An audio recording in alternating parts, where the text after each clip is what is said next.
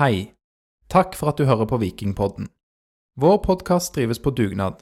Alt vårt innhold er gratis, og vi har en del utgifter knytta til podkasten. Du kan derfor støtte podden ved å vippse et valgfritt beløp til Vikingpodden, vips nummer 765728. Takk til alle som bidrar. Vi er klar for en blå dag. Hordene samler seg i flokk. Hele byen på samme lag, kledd i mørkeblått. Velkommen til episode 165 av Vikingpodden. Med den mye etterspurte, savnede tredje medlemmet av Vikingpodden, Torjar Melis, aka Torjar Meling. Velkommen til deg. Torjeg Meling, som det står i uh, Torjei. Torjei. Ja, det er Jeg, deg. jeg er mye etterspurt, altså. Ja, det har jo kommet noen spørsmål da, til Ja. podkasten. Ja. Hvor, eh, hvor har det blitt av han, eh, han tredje? Men du har vært eh, ett år på utveksling i Brasilia. Mm, Det er derfor du har vært så det er helt mye- riktig. Så um, deilig å få være hjemme. Hvis folk lurer på hvorfor jeg er så brun, så er jo det, det er fordi jeg har vært i Brasilia. på, på en sånn fotballskole i Rio de Janeiro Mm. i Brasilia. Og, Og, i, ja. Mm, og ingenting av dette er liksom er fantasi. Ingenting fantasi. Nei, så det er ett års fotballskole i Brasilia. Velkommen tilbake fra denne fotballskolen i Brasilia. Det får vi Takk. snakke mer om, eh, eh, mer om seinere.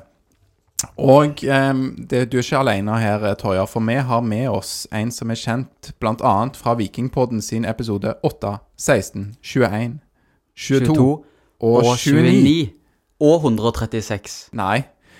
Nå eh, sniker du i mine notater, tror jeg. Ok, det er greit. 136 episoder siden han var med forrige gang, og han gjør nå comeback i Vikingpodden. Velkommen til deg, Lasse Drage. Tusen, tusen takk. Du, fy søren. Det er gøy å ha deg tilbake. Dette er skikkelig nostalgitrip for oss å ha med, ha med Lasse fra Ja, du var jo mye med i sesongen 2020, når det var corona times og Ja, ja mye har skjedd, mye har skjedd. Eh, både, med, både med meg og dere, holdt jeg på å si. Mm. Det har, ja. Du har jo blant annet uh, flytta på deg, og da er det enda lenger å komme til Stavanger, er det ikke sånn? Absolutt. Ja. Så nå øh, var jeg på Hva heter den vikingpuben igjen? eh, Jeg vil ikke si det, for jeg sier det alltid feil. Trafalgar. Ja, i, i Oslo, ja. Det er det. Er det Ja, ja, sånn det uttales? Jeg tror det er på stavangersk er det Trafalgar. Ja, ok. Trafalgar. Ja, det er iallfall standplassen nå, da. Så Du er en del der med Viking Oslo-gjengen og ja. ja. Mm. Ja, men det er jo bra. Men det er lenger til podkaststudioet på Ytre Vollan her. ja det, har, det har blitt veldig fint, eh, Alex. Det må jeg si. Ja, takk for det. var det jeg fiska etter litt sånn skryt for på podkaststudioet. Forrige gang Lasse var med, så spilte vi inn på en ikke navngitt barneskole i Stavanger. Så det har vært en utvikling siden det. Alex har jo fått opp dette studioet og full pakke. Mm. Så det er jo litt mer, eh, litt mer sånn chill forhold, da, i hvert fall for deg som er glad i å hoste. Det, det var jo litt stress, altså Lasse, vi snakker tilbake, og en liten sånn eh, nostalgitrip eh, for oss ja, til 2020, der eh, annet eh, spilte vi inn på denne ikke navngitte barneskolen når vi skulle møte Aberdeen i dette kvalifiseringen til Ja, jeg til det, Det, Europa, er det Europa, sykeste. hva heter det? Conference League? Eh, Eller nei, det var Europaligaen den gang. Europaliga var det den gangen, ja. Mm. Um, og ja, det er veldig deilig å slippe liksom å trille rundt på en koffert fullt av podkastutstyr og sette opp på barneskoler rundt omkring i Stavanger, der vi sånn ish har lov å være for å spille inn podkast. Mm. ja. Mm. Uansett. Um, ja, fint å ha kommet oss videre derfra. Og til alle som hører på denne podkasten, dere kan jo sjekke ut dette berømte podkaststudioet litt bedre ved å eh, se fem minutter av episoden på YouTube, men det er valgfritt. Og så lover jeg, fordi Lars har bedt meg om å fortelle litt hva som er min rolle da i podkasten siden jeg ikke har vært med på en episode på år og dag. Eh, og det jeg driver med mye når jeg sitter nede i Brasilia, det er å pøse ut ting på sosiale medier. Ja. Eh, og det jeg gjorde sist, jeg prøvde noe nytt. Jeg spurte deg og Lars om tillatelse til å først pushe ut episoden med Morten og Betty på YouTube, Mm. før vi så kjørte den på Acast og ja, sosial, altså Spotify og iTunes og Ja. alle plasser du kan høre på podkast. Eh, Så og du det- er en YouTube-forkjemper, rett og slett? jeg er jo det, for det har vært mitt hjertebarn siden 2020, YouTube-kanalen vår. Men eh, jeg lover alle som hører på, at nå skal den komme ut parallelt. Ja, Mest sannsynlig på Acast først. ja altså det var- Acast, det vil si lyd, vanlig podkast, og så kommer det på YouTube. Som en vodkast i ettertid. Ja. Vodkast med V for videopodkast. Yes. Ja. Stemmer. Og til, for Torjer sitt eh, hjertemann, da, Vikingpodden sin YouTube-kanal, så kan vi jo si det at den har litt over 600 følgere. Ja, og det som er Vi er jo ikke opptatt av penger i Vikingpodden, men eh, Men hvis du får over 1000 subscribers på YouTube, så kan du begynne å tjene penger. Du kan begynne rett og slett å gjøre det som kalles å monetize på engelsk, ikke sant? Ja. Så det hadde vært nice hvis folk følger oss, og bare hvis de hadde gidda lagt inn en abonner, så hadde jeg blitt veldig glad, for da kan vi begynne å tjene penger. På YouTube òg. Ja, og jeg tror ikke det påvirker lytteren, jeg tror ikke det blir mer reklame eller noe sånt, men eh, For reklame kan de ikke mukke på uansett. nei. Å nei. Ja, nei. Ok. Jo, de kan betale for sånn eh, abonnement på YouTube og slippe reklame, Å ja. ja, ja men det er ok. ikke noe vi styrer fra eller til. Nei, Det er ikke sånn at det kommer mer reklame hvis vi får over 1000 subscribers, det var da, da tjener vi litt penger på det. skjønner. Så vi er 387 ifra det nå. ja. Så Veldig bra. 187 hva? 387 abonnenter fra nå Ja. 1000 subscribers. Det er jo det er jo mulig. ja, det er mulig. Vi, Mm. vi har klart å nå eh, såpass, i hvert fall på andre sosiale medier, men YouTube er kanskje litt vanskelig å dra. Så kan jo vi bare si, som du sier, Torjar, vi er virkelig ikke opptatt av penger i Vikingpod, men vi har jo en sånn der eh, støtt oss gjerne på Vips-melding, og det kan vi jo bare ta nå. Veldig takknemlig til folk eh, som har eh, gjort det. Tusen takk. Det har kommet inn, kommer gjerne inn et par hundrelapper i slengen, noen er veldig rause. Og det skal vi bruke, bl.a. på å dra på noen bortekamper. Vi vurderte òg åpningskampen, men jeg kan røpe det at eh, eh, ja, hvis vi skulle flydd opp til Trondheim den dagen, så hadde vel eh, alle de donasjonene gått til den ene turen, for det er veldig dyrt å fly i påsken, da, andre påskedag. Så vi kommer ikke til å være der oppe for å dekke den kampen, men vi har sett oss ut noen bortekamper som vi skal reise på i Vikingpodden. Vil du røpe det nå, eller er det litt hemmelig? Hvilke Vi skal kamper- bl.a. til Sandefjord, en av de første. Det er vel i eh, mai. Ja. Eh, Så det blir veldig kjekt. Og så er det jo disse lokale, da. Haugesund og Brann er jo blinka ut i kalenderen. Ja, kult. Så det blir veldig kjekt. Og det er vel noen flere vi har sett oss ut òg. Men eh, ja, det får vi komme litt tilbake til. Veldig gøy. Det blir veldig kjekt, fint. Men eh, en roadtrip bortover der til Sandefjord, det er lørdagskamp òg, det. Så det passer jo veldig greit. Nice. Så kan jeg jo bare si, du nevnte, Torjer, du nevnte jo Lars, eh, læreren fra Madla. Han skulle egentlig vært med oss, og så begynte han å spy i går. Så god bedring til han. Eh, men det som kommer til å skje, og det merker jo spesielt da de alle som hører på eller ser på, vil jo merke det, at eh, om en liten stund så kommer jo òg Jan Godfrey inn. Han er jo fantasyansvarlig, var det i fjor, og skal òg holde i Vikingpodden sin fantasyliga. Vi gjør jo det òg i samarbeid med Viking, eh, med, med klubben, som stiller med premier. Så vi kommer til å kjøre på som i fjor. Og ja, eh, de som synes det er spennende å være med på det, hør til siste slutt av denne episoden, så kommer det litt om fantasy. Og de som absolutt ikke synes fantasy er kjekt, kan jo da velge å skru av.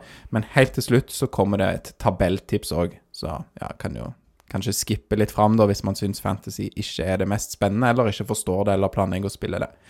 Men før vi kommer til fantasy og tabelltips, så skal vi prate litt om ja, status på Viking nå. Vi skal prate om overganger um, inn og ut. De fleste vet jo det på, på Viking, men òg for Eliteserien. Bare sånn hvor er eh, tidligere Vikingspillere gått? Hvem kan man eh, se opp for og følge litt ekstra med på? Vi skal gi tabelltips, og vi skal ta en del eh, spørsmål fra Twitter, også noen som har forberedt eh, sjøl, litt sånn spådommer for eh, Eliteserien 2023. Og så som sagt eh, fantasy og tabelltips eh, til slutt. Så det, det er det vi er. Høres det greit ut, eh, gutta boys? Det høres veldig greit ut, og en eh, kjekk meny, Aleksander. Så det er jo egentlig bare å sette i gang med, med starte dette ballet, er det ikke det, Lasse? Vi har det jo foran oss, så vi, vi skal klare å følge den eh, oppskriften. ja. Og Viking har jo da, bare for å ta status, da Viking har først spilt ti treningskamper. Eh, og så har de spilt to tellende i cupen 12. og 18. mars mot RBK og Glimt. Som de fleste vet, så ble det seier mot RBK og ut av cupen mot Glimt. Og så ble det òg to treningskamper etterpå dette her. Det ble 24. mars og 2. april. Tap mot KBK først, borte. Og så var det 2. april Er det riktig dato jeg sier? På KBK? Nei, på FKH. 2. april. Uh, nei, er det det, da? Var det på søndag de spilte mot KBK? Nei, mot Nei, FKH. FKH, mener jeg. Ja, kanskje det var feil. Det var på Det var på søndag, ja. Ja, da ser du helt rett. Andre, Mm. 2. april. Ja. Det var siste treningskamp. Da ble det 1-1 mot eh, FKH. Vi kan jo begynne med det siste først, eh, Lasse. For du var den av oss som fulgte den kampen eh, tettest. Spennende å se siste treningskamp før Eliteserien sparkes i gang. Eh, absolutt spennende, men eh, jeg tror oss som så den kampen på direktesport, uh, slet litt med å følge med. Det var litt eh, dårlig kameravinkel, hvis det er lov å si. Um, Det er lov å kvaliteten si. på kamera er ikke så veldig eh, lojale mot uh, ja, direkte sport. eh, Kvaliteten på kamera uh, ikke topp klasse, men vi fikk jo sett to mål, iallfall.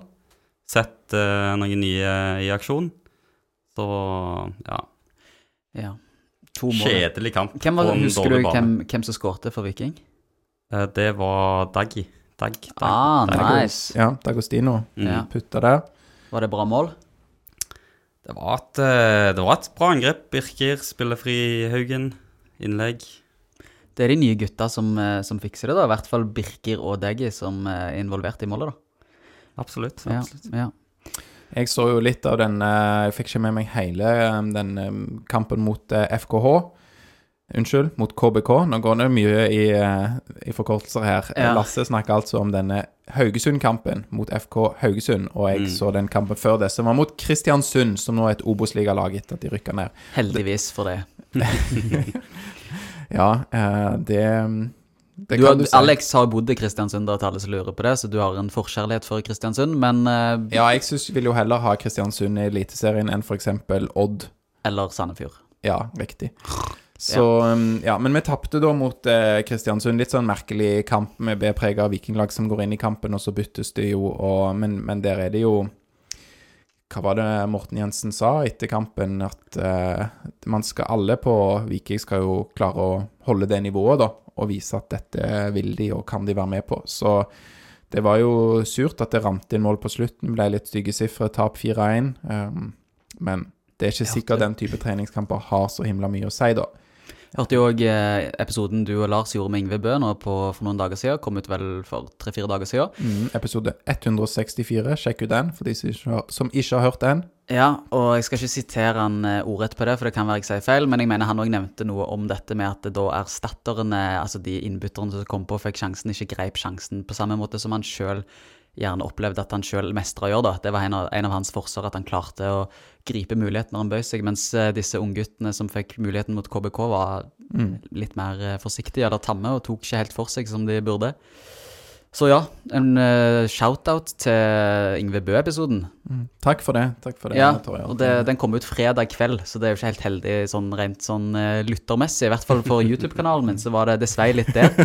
Men uh, alle må gå inn og se Først se denne episoden her i sin helhet. Mm. Og så høre episoden, og se episoden med Yngve Bø. Det er mange gode historier der fra glansdagene. Ja. Ja, Så du tror ikke at dette er den perfekte helgeunderholdningen, og folk bare jubler når det kommer sånn vodkast og videopodkast fredag kveld? Altså, da- jeg, jeg digger det jo. Ja. Men uh, jeg tror det er litt kanskje for spesielt, eh, spesielt interesserte i helgene. Jeg vet ikke. Jeg tror ikke det er det beste tidspunktet. Mm. Det er ikke sånn familieunderholdning, liksom. Jeg har sittet og sett på deg og Lars snakke på TV-en min i Bergen, og um, Mm. Men, men jeg kan jo røpe at du ikke har ikke en hel familie med når du ser på det her. det Ja, det er sant. Nei, jeg vet ikke hvor gøy det er å se på i timevis for en familie, kanskje. Det er vel kjekkere med The Voice eller uh, Mm. Det er jo det som er konkurransen for Vikingpodden. Er Ja. jo The Voice. Vi kan synge litt med òg. Ja, ja, Lasse tenkte å ta en sang etterpå. Vi tar og kan fyr på- til slutt. til slutt ja, fyr på noe, noe synging. Um, Overganger, eller? Ja, skal skal vi vi ta litt mer på status først? Vi kan jo bare ja, si status. Det er jo rett og slett, ja, spilt mange treningskamper. Eh, og fått eh, samme som det ble i fjor, da, eh, oppladningen til 2022-sesongen. Fått et par tellende cupkamper før vi sparker i gang Eliteserien. Og det synes jo jeg egentlig er positivt. Jeg vet ikke hva dere tenker om det. At det er litt fint for starten på Eliteserien, for de lagene som får det, da. Mm. Jeg syns jo litt stikk til, til Eliteserien, da, at eh, må man ha tolv kamper, treningskamper? Det er jo veldig kjekt for oss som ser på, for all del, men eh, det er jo på en måte et svar på at sesongen er litt for kort, kanskje. Ja, sånn er at eh, tolv kamper er mye, for det er kjedelig. Det er dårlig underholdning sammenlignet med Ja, men hva er tolv kamper? Hvor mye, hvor mye er det i løpet av sesongen? Tolv kamper utgjør jo da nesten en halv sesong, eh, Ja. hvis du tar 30 kamper, ja. Ja, så du, du tenker at det å starte Eliteserien 10. april, det er for seint? At vi burde kjørt eh, og holdt det gående gjennom hele vinteren? Er det det du er forkjemper Jeg har ikke svarene, Torjer, men jeg, eh, jeg kan stille spørsmålene. Ja. ja. men i forhold til det med cupen, da, så tenker jeg for meg som supporter i hvert fall at det er veldig gøy. Det har berika helhetsopplevelsen og innledningen til sesongen. Vi fikk jo en kul kamp i Sandnes der Felto mobiliserte, og så har vi hatt disse cupkampene som har vært kjempekule å se på. Så jeg syns det er en kul greie, men jeg skjønner at det er noe som ikke kommer til å fortsette. Vi kommer til å gå tilbake til den trauste, vanlige cupen nå allerede i år. Eh, men jeg syns det har vært kjempekult. Og sånn rent spillermessig, altså for, for vikingspillerne, så tror jeg det eh, så tror jeg det har vært eh, heller positivt at de har fått kommet inn i tellende kamper før ballet starter nå mot Rosenborg. Eh, er du òg sånn her at du indirekte slår et slag for sånn uh, cupfinale i mai? Er det det jeg hører òg? Det trauste cupen, sier du om den vanlige cupen? Nei, jeg vet da søren, men du husker når jeg og deg sto på Ullevål i 2019 sammen? Mm. Vi sto i dunjakke og frøys, liksom. Ja, så du er sånn sommermann. Det, ja. Det er jo mer digg å stå i Men, men mange, dette her er jo litt sånn farlig terreng, og det er mange som har sterke meninger om cupen. Jeg kan jo si det at jeg er jo 100 på linje med det jeg tror du mener her, som er en sånn avslutning i, i mai. Ja. For det, dette med at folk er så veldig glad i å dra ned i november, og det skal være dårlig vær og sludd og greier, det er nostalgibrillene på. Det sitter man der og sier tre måneder etterpå. Eh, når du går hjem fra den eh, arenaen, og hvis du da er, f.eks. fra Haugesund, og laget ditt har tapt, og du går hjem i sludd, Mm. eh, og det er november, så er det ganske drit. Ja. Eh, Litt det, verre, iallfall. hæ?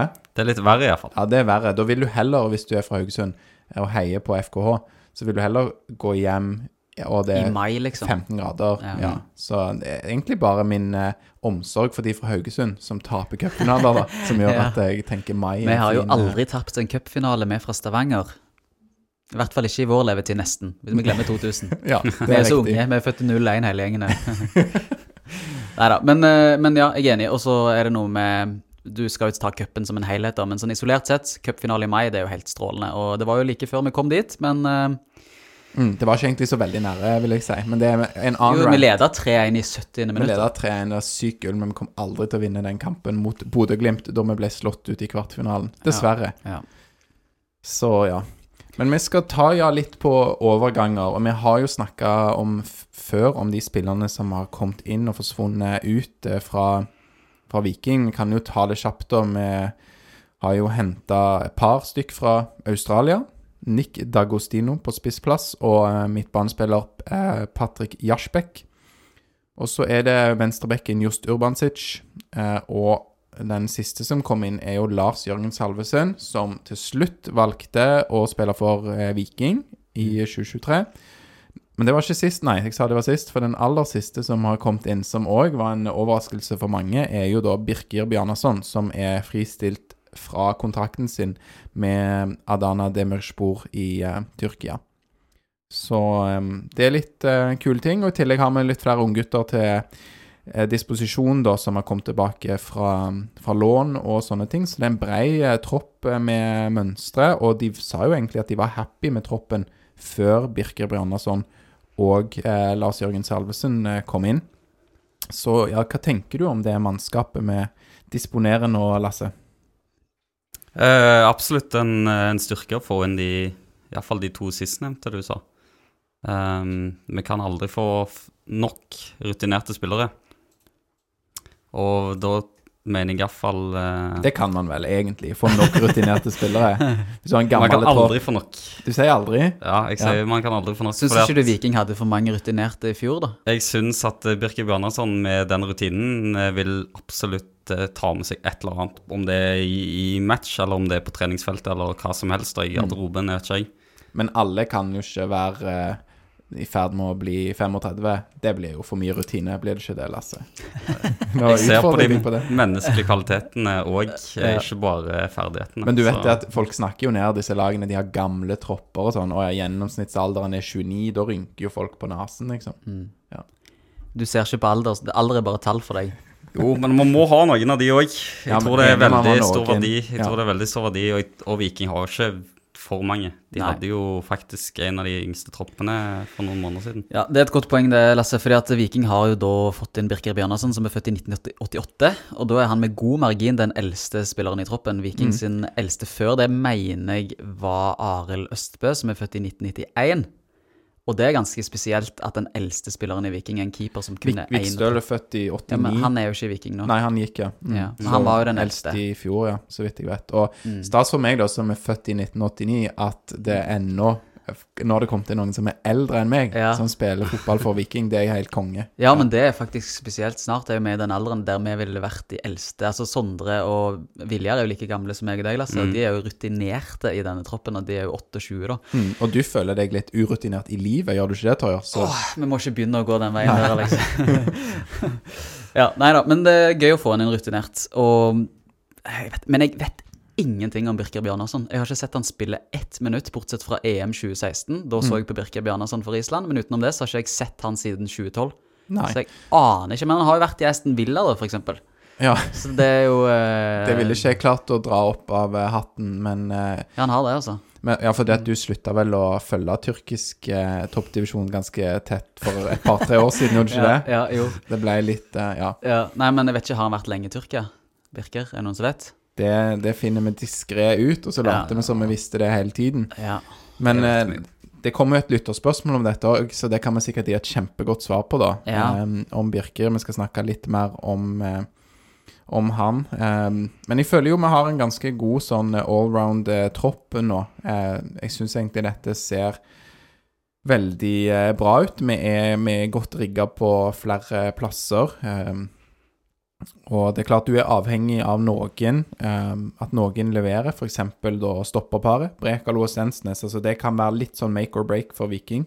Mm. De kommer til å levere, da, men det er jo Ja, Kan ikke ta det for gitt, men uh... nei, men med tanke på skader og selvfølgelig òg mulige salg i sommer og sånne ting, mm. uh, der er det ikke sånn at eh, man, eh, man putter inn erstatteren, og så er stopperne nesten like gode. Eh, men på en del plasser så er vi, er vi veldig godt forspent nå, mener jeg, med de eh, vi har. Eh, og det er veldig positivt. Og så har vi òg f.eks. solgt eh, Kevin Cabran til Stabæk. Det er jo en å kanskje følge litt med på hvordan det går for eh, tidligere vikingspiller der i Stabæk, men det mener jeg er, er fint å ha han ut. Mye, mye bra med Kevin, og har levert eh, tidvis bra, og et eh, Har noe litt sånn Ja, vi husker jo alle Bodø-Glimt-kampen i fjor, som vi tapte 5-4 på høsten, der han putta to, og du ser liksom han har noe i seg, men det får du ikke ut ofte nok, så helt greit. Ja. Ja. Mm. Ja, nei, eh, som, det, det, det jeg er helt enig i. Det er Det er eh, Jeg vil si totalt sett at dette overgangsmarkedet så kommer Viking eh, styrka ut. Eh, og gøy da at vi fikk inn Lars Jørgen og Birker på slutten. Det hadde jeg ikke forventa. så ja, nei, jeg, jeg tror vi er godt uh, skodd, men vi har jo Jeg tror ikke vi skal røpe altfor mye om hva vi tenker sånn om hvor vi kommer til å ende opp til slutt, for det tar vi jo i mm. slutten av episoden. Men jeg har jo noen ankepunkter ved dette vikinglaget som gjør at jeg har plassert de der jeg har plassert de på, på Ja. tabellen. Men det kan vi jo komme tilbake litt til, kanskje. Men jeg kan spørre deg om en Mm. eh, litt annen ting da, Lasse. For det um, Mitt inntrykk her er jo at det dette er litt sånn beviset på at det er litt tilfeldigheter på overgangene og sånne ting. At uh, noen vinduer vinner du, noen vinduer taper du. For her er det jo ting som de har vært jobba med over lang tid, og som nå kommer til Ja, som det nå bærer frukter av. Eh, hva tenker du om jobben som har vært gjort tidligere? For jeg vet du har vært litt kritisk. Eh, nå skal jeg skuffe deg, Alex, fordi at eh, Jeg mener jo da at det å på en måte kritisere Nevland for oss, hvis det er han, hvis det dit du vil, eh, veldig enkelt. Eh, men så er det jo sånn at vi sitter jo med Kanskje hvis vi er heldige, vi sitter med Aftenbladet, vi sitter litt med Twitter. Og noen eh, føler inn i Viking, har du Skal du ikke vi, det? Ja, jo da, men skal vi, skal vi si vi sitter med 10 da, av, eh, av det han vet. Og så skal vi sitte og liksom eh, gjøre hans jobb. Det syns jeg på en måte er Så vi må jo bare egentlig bare plass. stole på han, og det har jo Hvis vi skal dømme han etter dette, disse overgangene, så har jo han absolutt levert. Ja, de tenker på siste overgangsvindu. Ja. Ja. Mm. Ja. Ja, nå er du Jeg- Jeg diplomatisk. synes det er veldig, det- det, er veldig Jo, men du har jo det er jo, Men vi må jo Altså, det er jo en eh, supporters og en podkasters privilegium er jo å få lov til å sitte og eh, kunne være kritisk til det sports... eh, Det eh, kommer, det kommer. Hæ? Det du, Ja, det du har noe på lager? Ja. Du har Du har, du har Ok. Sparer du det til et lytterspørsmål eller noe sånt? Det Kommer masse kritikk. Ja, okay. Ja, det er godt du begynner positivt, da. Det Ja. setter vi pris på. Så ja. Er det noen andre dere eh, Men nå snakket vi litt om hvem Viking har fått inn. Er det noen andre fra andre lag som dere vil se litt ekstra opp for da i sommer? Noen eh, eh, spennende overganger dere har merka dere? Jeg ser jo her at Henrik Heggheim i hvert fall er utlånt til Vålerenga. Og jeg håper ikke at han gjør det altfor bra i Vålerenga, altså. Men i hvert fall ikke mot Viking. Så det er jo en spiller som jeg ikke håper vi får se altfor mye av. Vålerenga har jo henta mange sånne der tunge spillere generelt. Henta jo Stefan Strandberg i fjor, Torgeir Børven, hvis jeg ikke husker helt feil. Eh, Mohammed Ofkir, som vi ikke fikk i sommer når vi bøy to millioner. Det var altfor lite for Sandefjord. Nå vet jeg ikke hva Vålerenga bøy for han, men han er jo da endt opp i hovedstaden. Jeg vokste opp i Oslo, tror jeg, så jeg tror han er en lokal gutt. Eh, Vålerenga blir spennende på den fronten. Eh, Kommer du på noen, Alex? Noen eh, enorme overganger innad, eller ikke innad, men noen nysigneringer i Eliteserien? eh?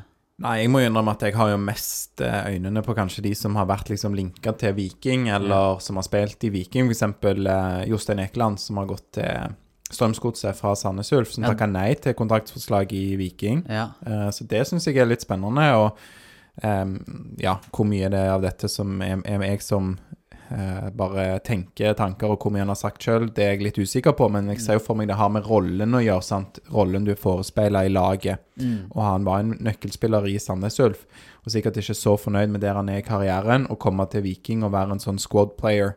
Um, ja, vi vet jo at de på midtbaneplass og angrepet til Viking, der er det der er det trangt om plassen. Så, og det var det jo på dette tidspunktet i eh, fjor òg for, for han. Så spennende å se hvordan det går. Ja. Har du noen eh, spillere du vil eh, nevne? Jeg hopper rett på Mai Traoré. Ja, hva, hva tenker du om han i Tromsø? Jeg tror det blir en kjempehit. Hvorfor tror du det Jeg, du vet jo, du kjenner meg jo godt, og du vet jo at jeg er stor fan av uh, Mai Traoré. Ja, jeg vet det. Um, Jeg visste ikke det, Lasse. og det, og det Du kjenner vel ikke så godt, Alex. Nei, men er det, er det, du er ikke ironisk heller, liksom? Jeg er ikke ironisk. Nei, Og nei. jeg har, jeg har sett litt på Twitter, og det var vel en, en eh, fra Tromsø der som spurte litt om eh, Mai Traoré. Mm. Og da var det jo masse lovord, ikke sant. Han elsker klubben, han blir for drakta, el supporterne elsker han. Hvem som skrev dette? Andre vikingsupportere? Viking-supportere? Andre Viking-supportere. Ok. Eh, og jeg er veldig enig i det. Og, og det, er litt, det er litt sånn uh, pussig fenomen, da. For at med en gang en spiller ikke er god nok for klubben, da skal vi høyse de opp. Da skal vi liksom bygge de opp og ditt og datt. Men med en gang han går til en, en større uh, Jeg sier bedre klubb i hermetegn, eh, så hater vi de.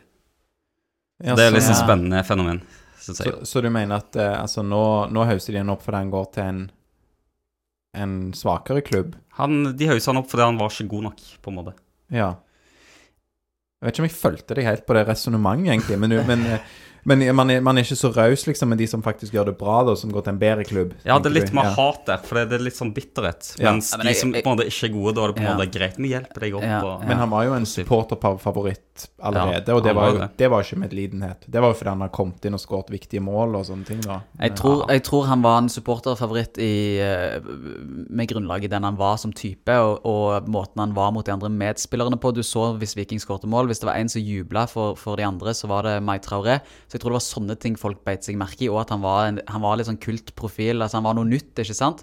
Eh, Så han var elska mens han var i Viking. Men det som jeg tror du tenker på, Lasse eller sånn, Jeg kan kjenne meg litt igjen i det du sier. Hvis Viking har en kjempegod spiller, og han går F.eks. når Bricalo kommer til å bli solgt, så kommer det til å gjøre vondt, ikke sant? fordi du mister en ressurs. Mens hvis du har en eh, spiller som eh, nødvendigvis ikke bidrar så mye på banen, men er en kul profil, da ehm, Prøver jeg å komme på et godt eksempel. Vikstøl er jo litt samme. Vikstøl er kanskje litt i samme kategori. Han var veldig viktig, men han er jo ikke eh, essensiell på en måte, på samme måte kanskje som eh, Joe Bell var, da, eksempel. Ja. Så er det lettere å gi lovord, da. Mm. Eh, Fordi at tapet er ikke like stort på banen, skjønner du? Ja. Og så må du òg være en kul type, da. Eh, Som byr på deg sjøl og gir alt for klubben. Sånne ting òg spiller jo en rolle. Men jeg tror det var dit du ville, var det ikke det? Det var Ja, der du tenkte? jeg håpet det var det jeg sa, men Ja. det er iallfall det jeg mente. Nå har vi i hvert fall fått eh, knadd litt eh, mer og ut på en annen måte, så Men det blir dritspennende med Mai Traoré i Tromsø. Jeg tror ikke han kommer til å skåre så mange mål, men eh, Nei, for han, for han slår jo meg som en som ikke er sånn Han er ikke ferdig forma som fotballspiller, men han har noen kvaliteter og noen egenskaper som er eh, ja, ganske unike. da. Jeg har jo snakka mye om hodespill. Han syns han er helt rå på hodet i timing og, og en del på dueller og sånn der. Eh, og så er det vel en Det er jo en grunn for at han eh, ble litt sånn superinnbytter og kanskje er best når, eh, når det svinger litt i negativt, eh, på, på en negativ måte, med at det er ja, bølger i kampen, og man prøver å kontre inn et mål eller få noe til på slutten. Så ja. Du sa vel litt om det før vi gikk på luften, at du mener at han er bedre når han kommer inn enn å være en sånn type systemspiller som tilpasser seg systemer. Ja, jeg mistenker jo det. Nå er ikke jeg den som går på mest treninger og, og sånne ting, men at det er, det er noe med ja, å bli litt voksen, da. Han har jo absolutt potensialet. Så, så de kampene jeg har sett der han har starta, så har det jo ikke fungert eh, spesielt eh, bra for Viking. Eh, og så er det jo mulig å ta steg på det. Absolutt. Litt av grunnen til at jeg ikke tror han kommer til å skåre så mye mål, det er det at jeg har ikke hørt om en spiss siden Sigurd Russfeldt som skårte mye mål i Tromsø. Det er ingen spisser der oppe som skårer mye mål, så han har liksom eh, Han har ikke alle odds eh, i hans favør, da, men det, han kan gjerne motbevise meg. Ja, jeg eh, er ikke så god på Han Runar Espejord var jo der eh, Men han skårte ikke mye mål. Nei, han gjorde sikkert ikke det. Nei, jeg tror han hadde null eller ett mål før han gikk til Bodø-Glimt i fjor. Ja. Så tror jeg, han hadde null, jeg tror han hadde null mål i Eliteserien 2021 for Tromsø. Heftig, da. Men var, var, han var, var ikke- veldig god, Det var ikke mens- da han var i Nederland? var det det? Nei, han var i Nederland litt før det. Ja. Men han var veldig god, men uh, ikke noe goalgetter. Jeg tenkte på han Mikkelsen, jeg, men uh, Ikke skått, et han skåret ikke mye mål, altså. mye mål. Det er Er han, det er er, han spiss, han? Angriper.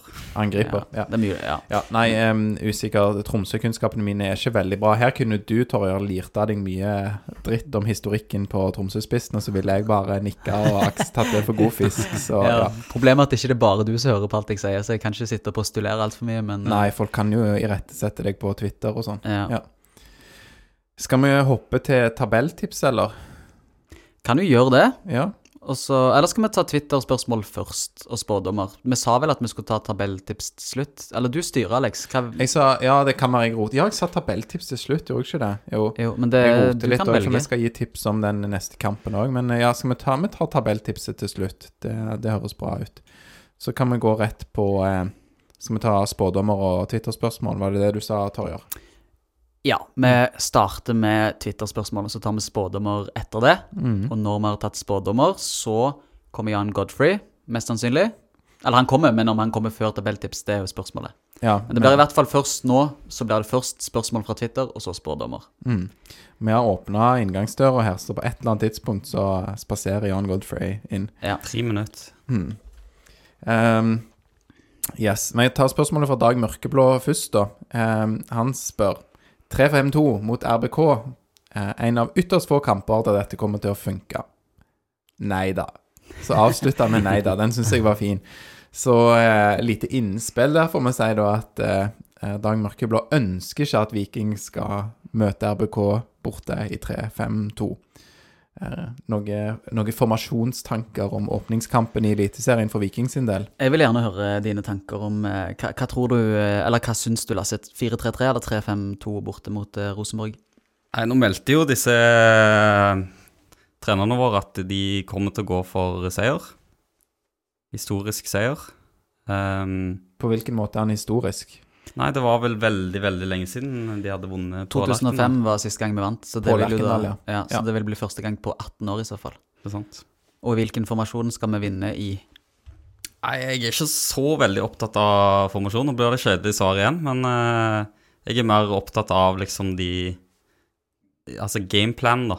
Mm. Som man skal utnytte egentlig RBK. Vil du at de skal parkere bussen i enten 433 eller 352, eller en annen formasjon?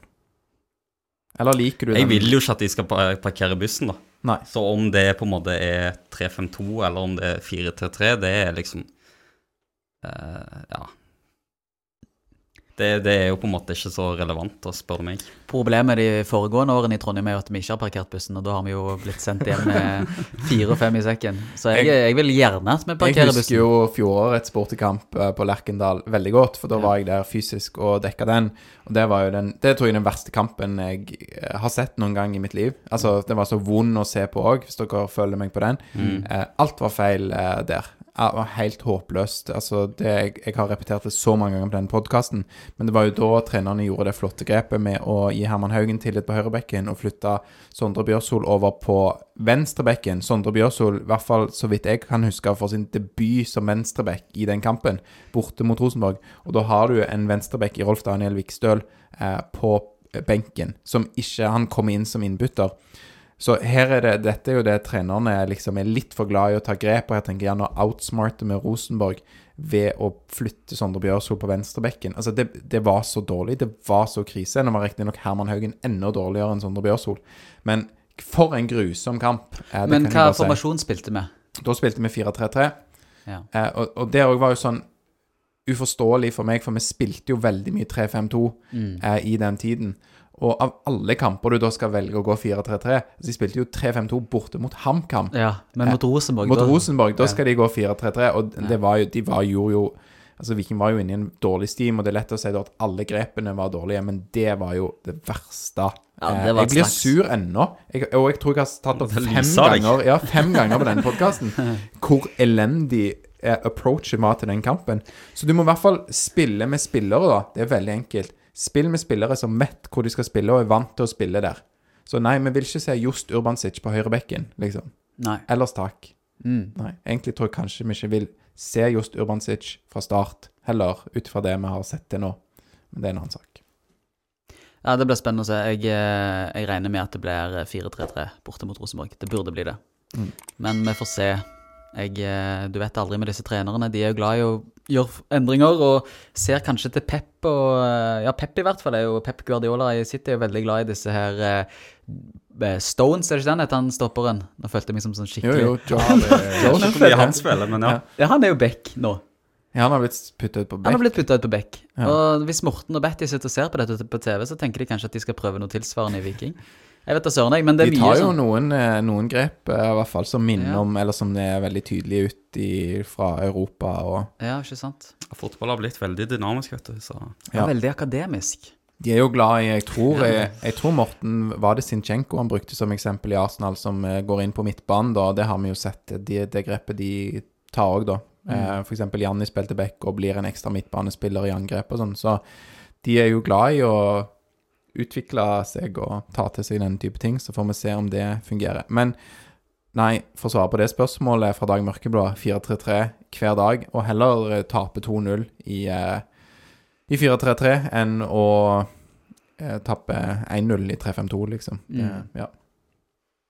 Bare på det formasjonsgreiene jeg husker etter fjorårssesongen, så sa de at de skulle bli mindre eh, Hva ordet jeg leter etter? Altså, de skulle være mer standhaftige og spille én formasjon gjennom hele sesongen. Jeg håper at det er på de rette premissene. Jeg håper ikke det er for å please supportere og styre alt sånt. Jeg håper at de gjør det fordi de sjøl tror at det vil gagne Viking. Ja, Og det er jeg litt usikker på. ja, sånn, ja. Det er jo press for de òg. Men er det på de rette premissene, da? Nei, vi skal spille samme posisjon for å blidgjøre fansen. Ja, men den der Eller, ving, eller styre. vingling og grepene fra i fjor, de må, jeg tror det òg har med å gjøre at de skjønte at det ble for mye. At de var ikke gode, liksom. Mm. Det var Ja. Så nei, det er mm, Det blir, eh, blir spennende å, å se i åpningskampen her, og det har jo vært en tøff bortebane for oss, som du var inne på, Torjer, mm. der vi har eh, tapt mye. Nå, eh, nå kommer jo Jan eh, eh, Godfrey inn her, så da kan vi jo bare vi lar det rulle og gå, så sier vi hei til Jan. Ja. Stig på, hei, Jan. Da er, da er innspillingen i gang, så det er bare å ta eh, plass eh, her. Vi er på noen eh, lytterspørsmål fra, fra Twitter. Så ja. Kom inn på direkten her. Ja vi, vi er ikke live på direkten, da, men vi skal, er ikke. Godt poeng. men vi skal vel ikke klippe ut så mye av eh, dette. Så Nei. ja. Vi kan jo si ja, velkommen til deg, Jan. Vi har jo allerede sagt eh, ved introen til episoden at du skulle være med oss. Går det bra? Du kommer rett fra eh, påskeferie, stemmer det? Ta mikrofonen inntil, og så bli med. Ja, jeg kommer rett fra hytta, så har vært der oppe og gjorde den tabben at jeg eh, klarte å glemme husnøklene. Ja. Jeg kom Ja, hjem, og sant. da var, sto jeg der. Men heldigvis hadde svigermor et ekstra nøkkel som jeg kunne bruke. Det er bra å høre. Ja. Bra svigermor. Det er vel eh, De har ikke alltid så godt ord på seg, men her leverte du. Så ja.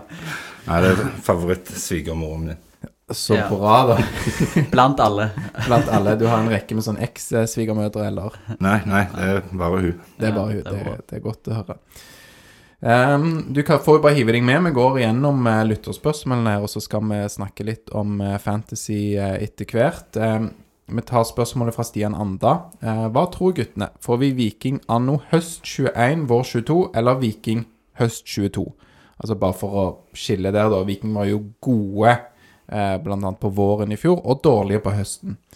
Um, ser at mange tipper Viking på fjerde- til sjetteplass. Hva taler for en slik plassering?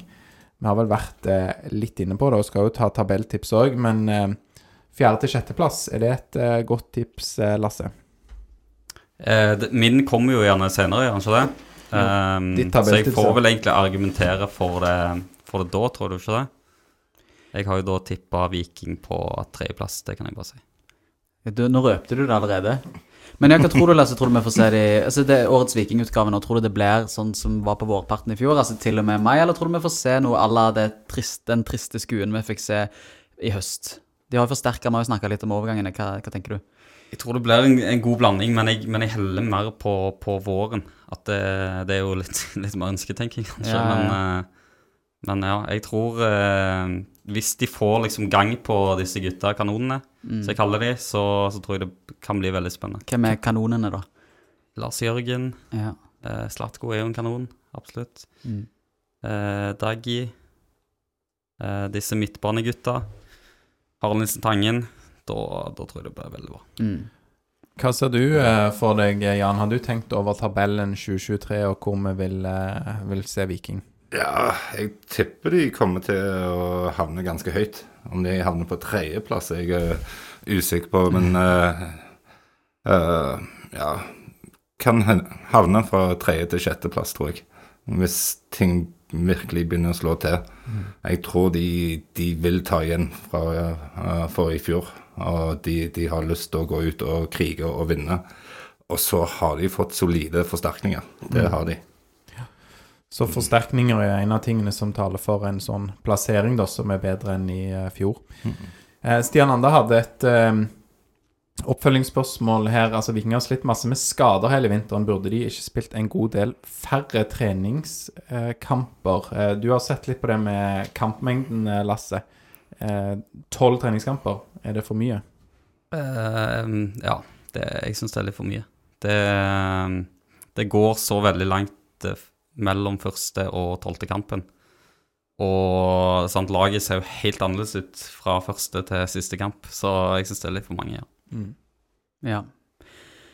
Ja, nei, det er spennende dette her med Men har vi noe skader per nå i Viking? Hvem er det som skader nå?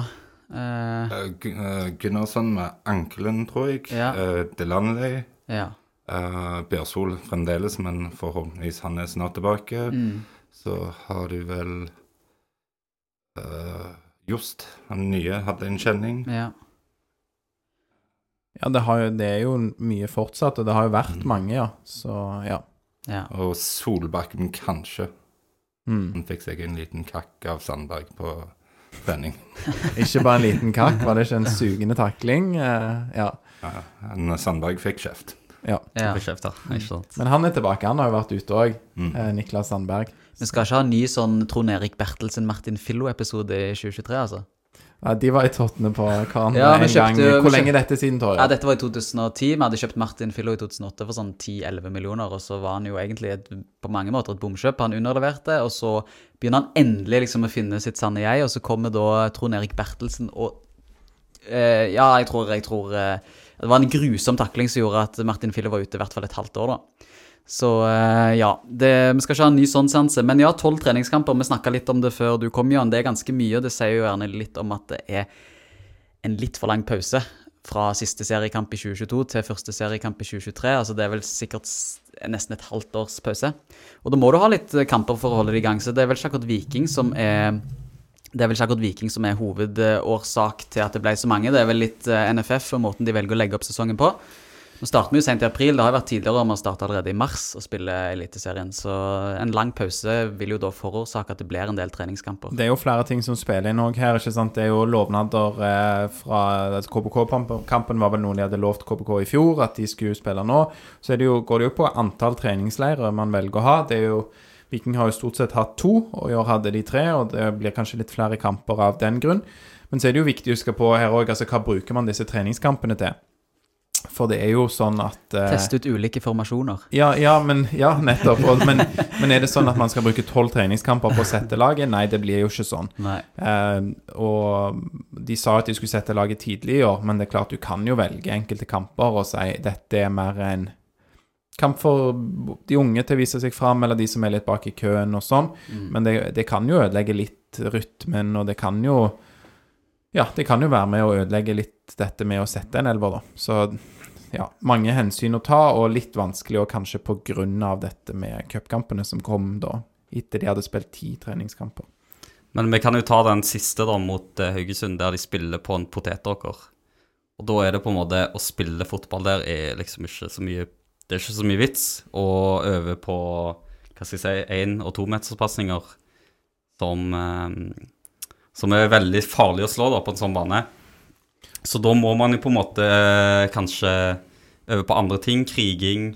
Altså bare den enkle Sunday League-fotballen med å bare vinne dueller og sklitakle, holdt jeg på å si. Og her refererer du til begrepet Sunday League, og det kommer fra Storbritannia eller England, der de eh, spiller mye sånn amatørfotball, eh, kompisliga nesten, på søndager. Stemmer ikke det, Lasse? Stemmer det. Banen hadde vel kanskje ikke holdt Sunday League. Det, det, Jeg så ikke den kampen. Jeg har bedre, bedre baner borti England òg, ja. Så ja. Ja, det humte litt når ballen gikk bortover det. Hva, Lasse han var så misfornøyd med filmingen til Direktesport. Hva syns du om eh, Den til Haugesund ja, Haugesund-kampen? ja, var ikke særlig imponerende. Én ting var at det var ganske lavt ned, så du fikk ikke særlig overblikk. og... Ja, nei, det var ett kamera som gikk fram og tilbake og zoomte litt inn og ut. Ja, ok, ja. ja. Men uh, det bedre enn når Stig eh, sto med mobiltelefon og skulle filme fra treningen. ja, det har ikke jeg sett, men det kanskje har vært Stig, veldig bra. Stig Nilsen fra Aftenbladet. Ja. Ja. Så de filma faktisk litt av treningen en gang, eller la det ut òg. Ja, han uh, sendte live fra telefonen fra sånn treningen, når de var, om de var i Spania. Det var en av de turene. Ja. Ja. Nei, mobilkamera det er flittig brukt. Jeg så jo serieåpningen i 2022 mellom Bodø-Glimt og Rosenborg. Den ble jo òg filmet med mobilkamera. det. Ja. Strø Strømbrudd, var det? Strømbrudd i bussen ut forbi Aspmyra. Eh, Vikingpodden blir filma med mobilkamera, det vi gjør akkurat nå. Så Mm. Gjenbruk av gamle mobiltelefoner. Så mm, Med en miljøvennlig gjeng. det er vi absolutt. Skal vi ta Lars Aksnes sitt, Alex? Ja, gjør det. Her er det gøy spørsmål. Ja, for vi, vi sa jo litt tidligere i denne episoden at vi følte vi hadde fått en eh, vesentlig bredere tropp. I hvert fall tenkte jeg det i mitt hode, og jeg tror det er litt sånn felles eh, konsensus om det. Men når det kommer til Markus Solbakken, så er det kanskje vanskelig for mange å se en sånn eh, en, god, eh, en god, eh, tydelig backup for han. Eh, hvem er egentlig den beste backupen for Solbakken? Eh, hvem ville du sagt først, eh, Lasse? Eh, uten å ta med et resonnement, så vil jeg si Lars Erik Sødal. Ja. Mm. Og du, Jan? Til landlige. – Til landlige som anker? Ja. Ja, Ja, han hadde vel den rollen en del i fjor, hadde han ikke det, Jan? I ankerrollen. Her er det jo òg Tar jo Lars Aksnes for gitt at det er Solbakken som har den eh, plassen. Og nå er jo f.eks. Birker Bjørnason eh, henta inn, som òg har spilt eh, i den defensive midtbanerollen en del.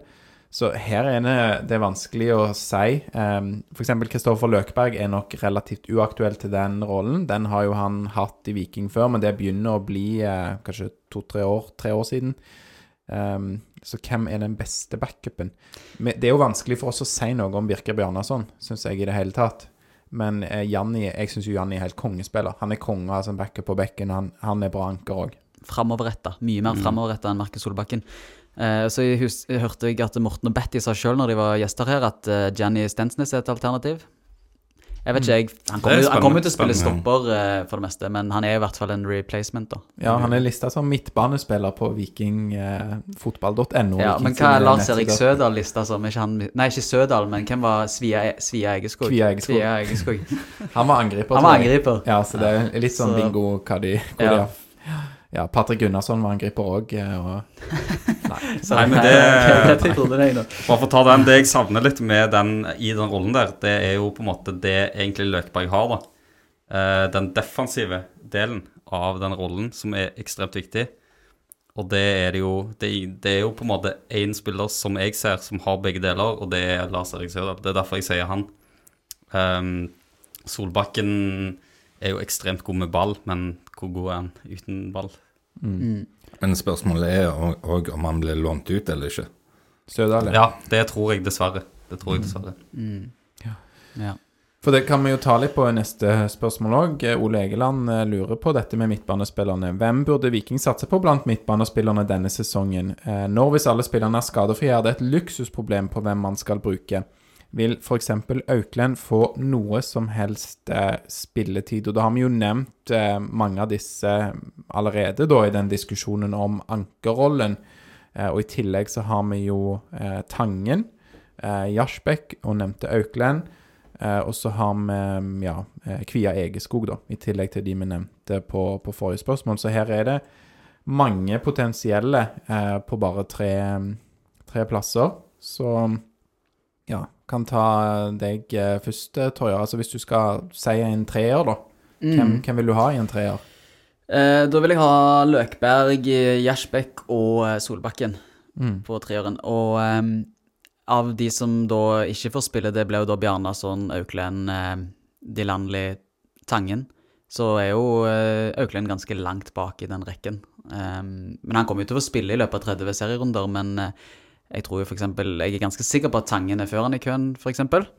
Eh, så tror jeg òg at de landlige vil komme inn før eh, Som indreløper så vil, så vil han komme inn før Aukland. Aukland Auklend òg, ja. Ja. Så, jeg- så jeg vet ikke. Jeg tror han får spille, men det, jeg tror ikke det vi får noen sånn voldsom gjennombruddssesong for han i år. Men det ville jeg ikke sagt om eh, Tangen før 2021 heller, at vi ville få hans gjennombruddssesong. Så det er jo Det kan skje. Bare for å ta et litt annet spørsmål eh, til deg, eh, Lasse. Altså, eh, du snakker jo fram Lars Erik Sødal her i ankerrollen, men ville du hatt han foran Solbakken òg i ankerrollen? Jeg ville jo ikke det, ikke sant. Så det er jo eh, Ja, så det, Det er vanskelig, men jeg, men, jeg mener jo at Solbakken er en, en indreløper-type, da. Eh, at han har mye bedre eh, forutsetninger for å gjøre det bra der. Syns du det? Jeg syns han er altfor lite fremoverretta. Det er mye på tvers hele tiden. Veldig god å holde på ball, veldig, god, veldig bra driv. På Solbakken. Ja. Ikke så mye mål i seg, har han det? Nei, men han spiller der han spiller, så da er det Ja, men han har vanskelig ikke, å altså, det er ikke mye saft i avslutningene og ja. Han er ikke sånn som Løkberg som klarer å komme seg inn i boksen på den måten der. Altså, vi kan heller snakke når han spiller indreløper, skal vi si. Han kommer aldri til å gjøre det, tror jeg, dessverre, i Viking. Men uh, ja. ja. Har du forkjærlighet eh, for noen uh, på indreløperplassene, Jan? Uh, som indreløper, det tror jeg ville tatt uh, Jasbekk og Nilsen Tangen. Ja. Ja, Du da, Alex? Ja, jeg er jo litt usikker. Altså, jeg, nå går jo Sødal mest sannsynlig på lån, og jeg blir overraska hvis Kvia Egeskog òg ikke går på lån. Og det er jo ikke fordi han ikke har kvalitetene til å eh, få spille, kanskje sant? en omgang 30 minutter her og der, men det er jo det er så mange, da. Jeg liker jo det jeg ser av Patrick Jarsbekk, som virker litt usikker framover, men veldig sånn disiplinert. Jeg, jeg er jo veldig fan av disse disiplinerte spillerne. Derfor liker jeg jo godt at de har fått en Dagostino òg. Ehm, ja. Så i, i miksen der så, um, så er det jo selvfølgelig Solbakken og, og Janni, håper jeg, da, på anker. Og uh, Jarsbekk på en indreløper. Og så blir det fort eh, Tangen. Bare oppsummer de tre, da. Som du Ja, vil ha beklager. det. Ja. Så eh, å foretrekke er foreløpig Solbakken Mhm. på anker Mhm. og Jarsbekk på den ene indreløperen og Tangen på den andre. eh, for, for meg. Mens Tangen er jo det største spørsmålstegnet der, syns jeg. For han har jo vært veldig sånn på eller av i det vi har sett av han de to siste årene, da. Mm. Så Auklend, for å ta han òg, frykter han kan eh, havne langt bak i køen, men ser godt for meg at han er um, Har noen kvaliteter da som gjør at han er, em, ikke går på lån, som Kvia Eggskog og uh, Lars Erik Sødal fort kan gjøre. Men Auklend han har vel òg av og til spilt uh, det Trippic-spillet. Mm, kant, ja. Kant, ja. Mm. Ja. Og, så det, og det kan jo være at de, eh, de tar noen sånne grep. Det er et godt eh, poeng, eh, Jan. Det er ikke der han vil spille sjøl, men eh, han tar vel det han får. Ja. Mm. Da var vel Kvia Egeskog skada òg, var han ikke det? Til forrige, forrige uke? Ja, han ble skadet i kampen mot Kristiansund. Ja, ikke sant. Mm. Eh, så da Det kan jo òg påvirke om han går på lån eller ikke. Ja. Og når det eventuelt skjer De har vel eh, litt større fleksibilitet med de unge når de kan sende de på lån. Um, Knut Husbadal har nok et spørsmål om midtbanen. Eh, han lurer på om midtbanen med Harald Nilsen Tangen, Solbakken og Jarsbekk eh, om de har muskler nok til kampene som avgjøres med dueller på midtbanen. Hvis vi skal ta musklene isolert sett, så er vel svaret på det nei. Det er jo ingen av de som er noen muskelbunter. Men eh, så er spørsmålet om hvor mye muskler rett og slett har å si. Ta Løkberg, han er jo ikke noen stor mann. 1,74 på strømpelesten. Eh, tror ikke han er så mye sterkere enn meg. Kan være riktig feil. Hva tenker du, Lasse? Er han sterkere enn meg? Løkberg. Løkberg. Ja, han hadde tatt deg. Han hadde sikkert tatt meg, da. Ok, greit. Men, men uansett han, Men uansett, eh, du trenger ikke være så veldig sterk for å være sterkere enn meg. Men han er ikke så sterk. Men han er veldig god å dekke defensive rom, og veldig, eh, veldig Han er tidvis veldig god i duellspillet. Så det er ikke bare muskler som har noe å si, har jeg hørt. Men Ja. eh, ja, Jasbekk syns jo jeg virker duellsterk, og Solbakken ser eh, bedre ut i det, mm, den delen av spillet òg enn han gjorde i fjor, i oppkjøringen, synes jeg. Eh, Nilsen Tangen har ingenting. Eh, Ikke defensivt, nei. ikke defensivt, og ikke duellstyrke, smartness eh, i det defensive på noen måte. Nei. Nei, Han er jo en luksusspiller, og det funka veldig godt i 2021 når du hadde Løkberg og Joe Bell, men om det funker med Solbakken og Gjersbekk på samme måte, det er jo eh, heller tvilsomt, kanskje. Men én ting vi ikke har snakket om, det er jo om de eventuelt kan snu denne midtbanetrioen, da. At vi har to litt dypere. Og da kan på en måte Tangen få litt mer frihet. I en sånn uh, mer tierrolle. Ja, ja. mm, ja kall det det. Ja, tierrollen da, litt Eh. mer den, den som er bak eh, spissen, da, eller noe. Ja. Um, jeg, vil jo ikke gi eh, Morten og Betty flere alternativer, så de er gode nok på å komme opp med disse eh, grepene sjøl. De trenger ikke mer å kunne Jeg har en følelse av at ikke de eh, hører på dine forslag uansett, Alex. Hvis jeg får lov til å være så direkte med deg. Eh, ja, jeg vet jo noen av de hører på Vikingpodden, men uh, vi spurte jo annet Pål Fjelde da, tror jeg, når Ja. han var gjest i podkasten om Han jo, jobber jo med analyse sant, for Viking, om han satte pris på disse hobbyanalysene i Vikingpodden. Jeg tror ikke han avkrefta at han hadde hørt de, eller kanskje han gjorde det. At han aldri hørte på de, jeg vet ikke. ja. Um, ja, hva tenker du, da? Er det for lite muskler med Harald Nilsen Tangen, Solbakken og Gjersbekk? mm, nei. Nei. Jeg tror det kan eh, gå, men det er jo òg avhengig av at, eh, altså, hvem du har andre steder på banen. Mm. du har jo masse muskler og duellkraft rett bak der, spesielt i David Brekalo. Brekalo. Um, og, eh, men du, ja, det er jo Den lagdelen isolert sett um, greit nok, ja, med, med gode, gode spillere rundt. Men, eh, men det er klart at det vil, vi vil få se mange kamper der Harald Nilsen Tangen bare må bli bytta ut. Mm. Det, det tror jeg, og det er jo et element eh, der. Er jo nettopp dette med duellkraft og hvordan man bruker de musklene man har. Mm. Knut lurer jo videre på Knut Husdal om, eh, om Løkberg og Birker kan bli løsningen.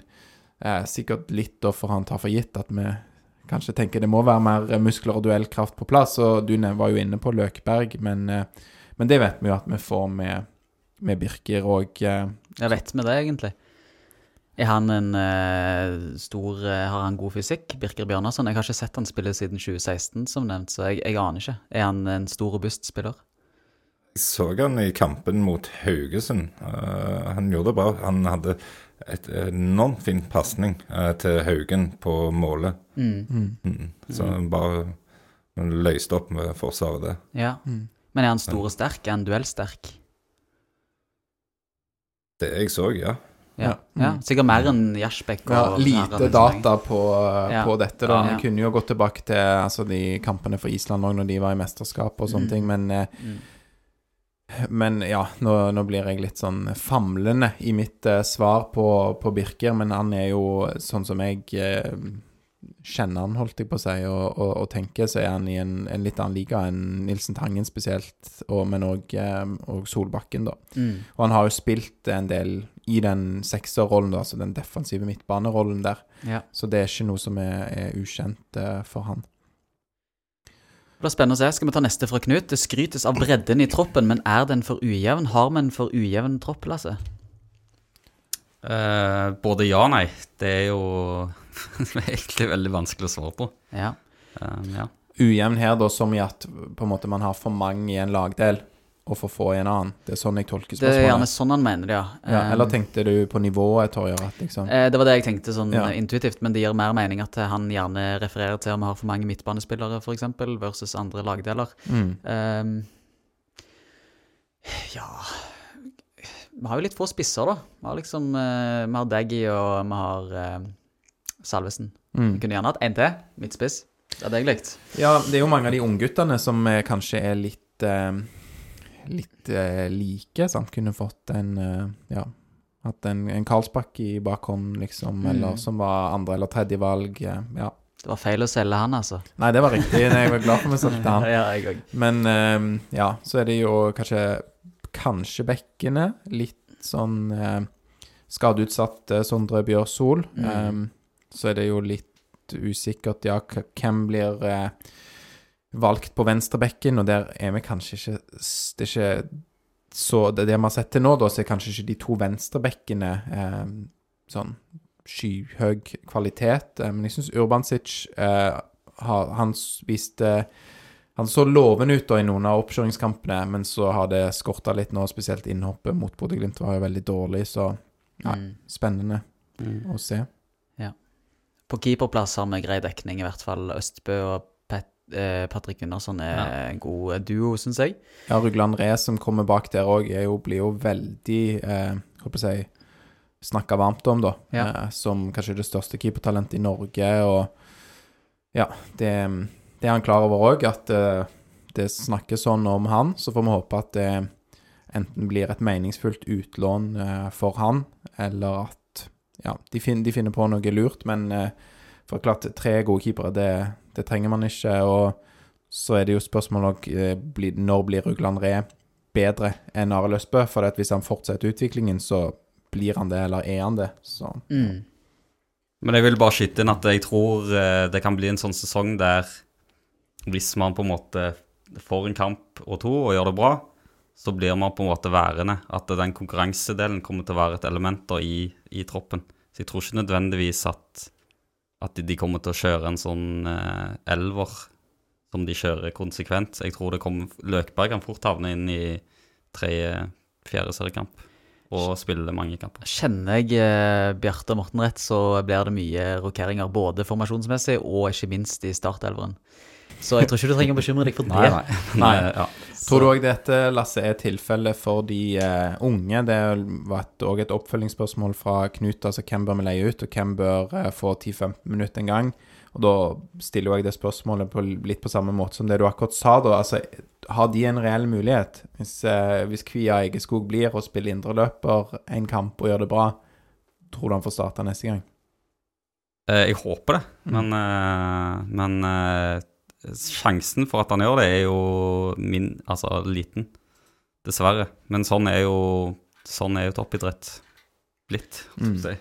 Uh, men uh, ja, jeg syns altså, de på en måte må Må iallfall gi dem litt tillit, da. At uh, Jeg ser jo på han Edvin Østbø. Han, han har jo et ekstremt bra nivå.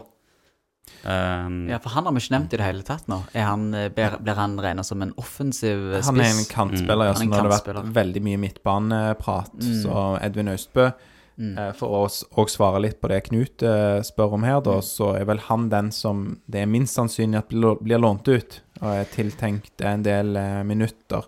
Så han kan vi vel, eh, tenker jeg da, luke vekk fra den eh, diskusjonen. Mm.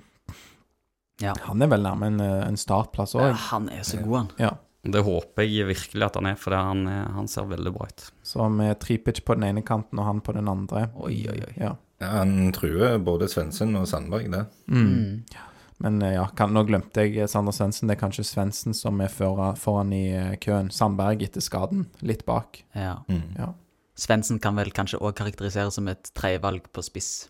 Han skulle jo tross alt Han skulle jo tross alt eh, være den nye toppskåreren etter Veton Berisha, så eh, Ja. det var jo sånn han ble henta, så Og så ligger jo eh, eh, Janni ligger jo òg inne som angrepsspiller, og da er jo han kant på, på Viking sin offisielle liste her, så det er mye, mye som går an, Det er forbedringspotensialet på vikingfotball.no. Ja. Ja, men uh, Janni, han er vel back, han? Ja, han, han er back eller midtbane. Lenge siden han har spilt kant, er det vel. Så, men han har jo spilt det i karrieren òg. Men av de andre unge, da, hvem, eh, hvem bør ut på lån? Jeg kan jo bare si Rugland Re bør jo bare spille så mye som mulig. Og om tredjedivisjon Viking 2 er høyt nok nivå for han Han Eh. er, han er sendt ut på lån. Ja, han, han sett, ja. til Levanger Mm. Ja, jeg bare så det var, var rykte om det, men da er det Eller hva må jeg leste, det var endelig òg. Men det ble i hvert fall Levanger-banen, og det er førstedivisjon, da, Obos, er det ikke det? Eh, Levanger? Ja. Oh, du må ikke spørre så vanskelig. Jeg vet da søren, jeg. Nei, tror jeg det. tror det er Post Nord, altså. Er det Post Nord, ja? Tror det. Uh, men ja, vi kan jo finne det ut. Levanger BK. Ja, Er det det de heter? FK er det. FK.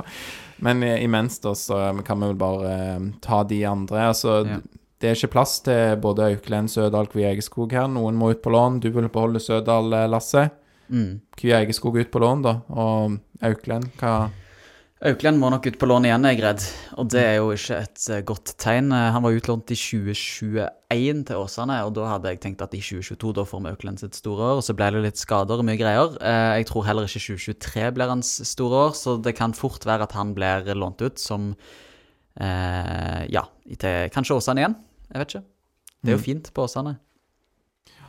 Så Eh, ser ut som uh, Levanger er Post Nord uh, for øvrig, ja. Så Ja. det var ett et nivå opp da fra å spille tredjedivisjon eh, med med Viking. Viking, ja, Mm. Viking 2. Mm. Eh, vi går videre til Vi tar de litt raskere nå, disse spørsmålene. Um, ja. Spørsmålet fra Stian Krag om hvor god Birker egentlig er, der får vi Det parkerer vi. Der har vi snakket nok om spillere vi ikke kjenner så godt lenger. Ja. Vi får bare ta sjølkritikk og si vi har ikke gjort god nok research på Birker de siste årene. Jeg tror ikke den uh, Haugesund-kampen var så god referanse. Jeg tror, ikke, jeg tror han har spilt viktigere kamper enn det. Ja, det har han. Vi kunne sett mye fra Tyrkia og sånn, eller hvor mye enn han har spilt der.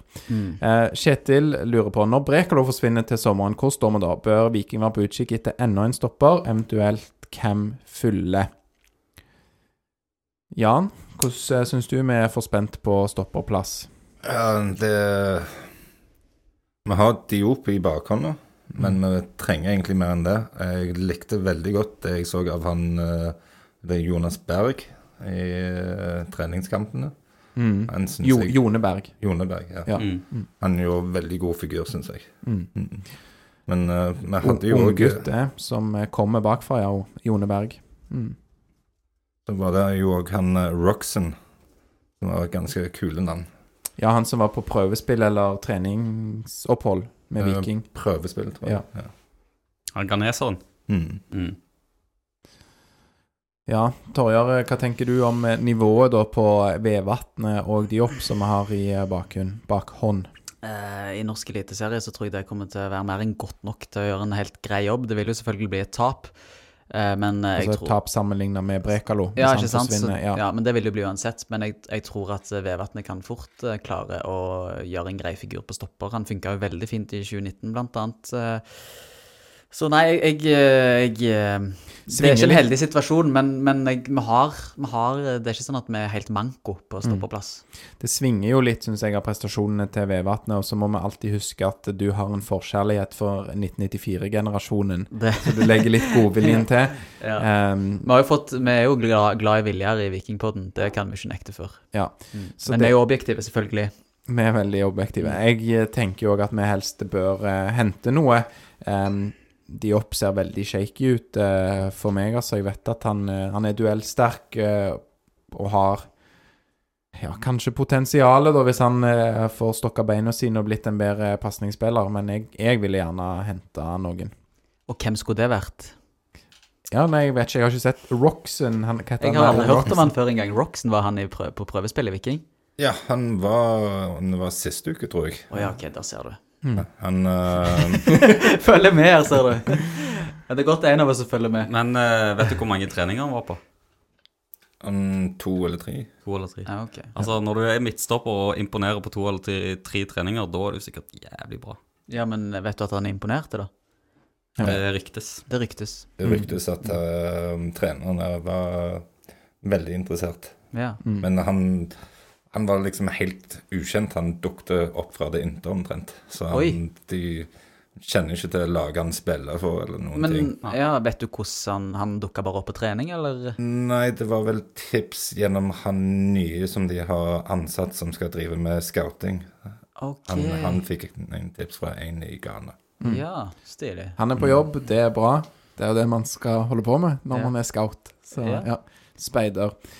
Eh, skal vi ta noen spådommer? Vi har eh, eh, noen kjappe vi skal gjennom her. Vi får prøve å ta de eh, litt raskt, og alle trenger ikke svare på alt. Nei. Eh, din mann, da, eh, din muskelbunte torger, eh, Kristoffer Løkberg, kommer han til å starte mer eller mindre enn 15 kamper i Eliteserien? Mindre. Jeg er mindre enig i det, altså. Noen som hevder mer? Nei. Nei.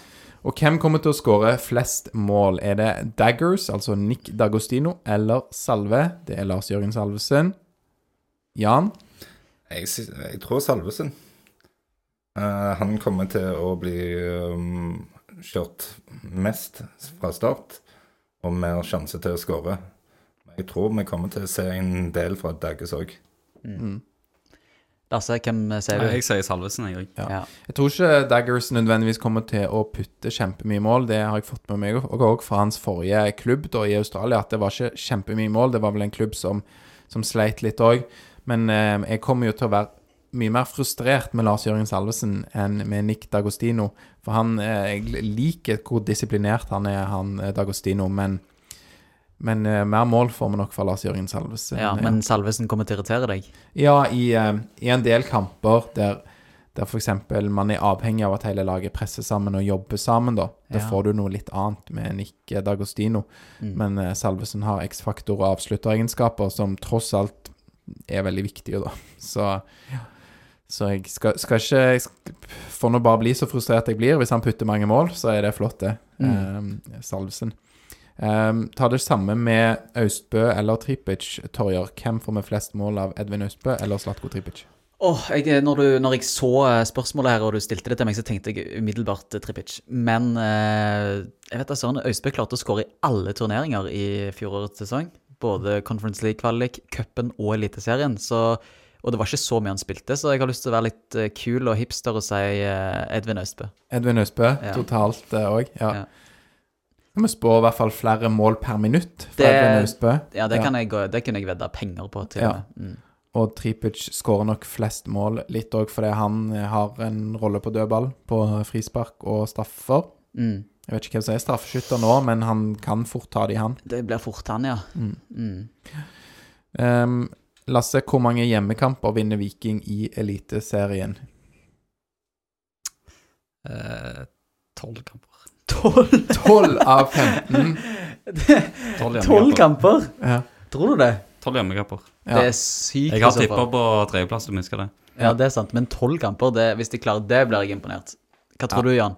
Hvor mange kamper? Ja, hvorfor ikke si 15, da?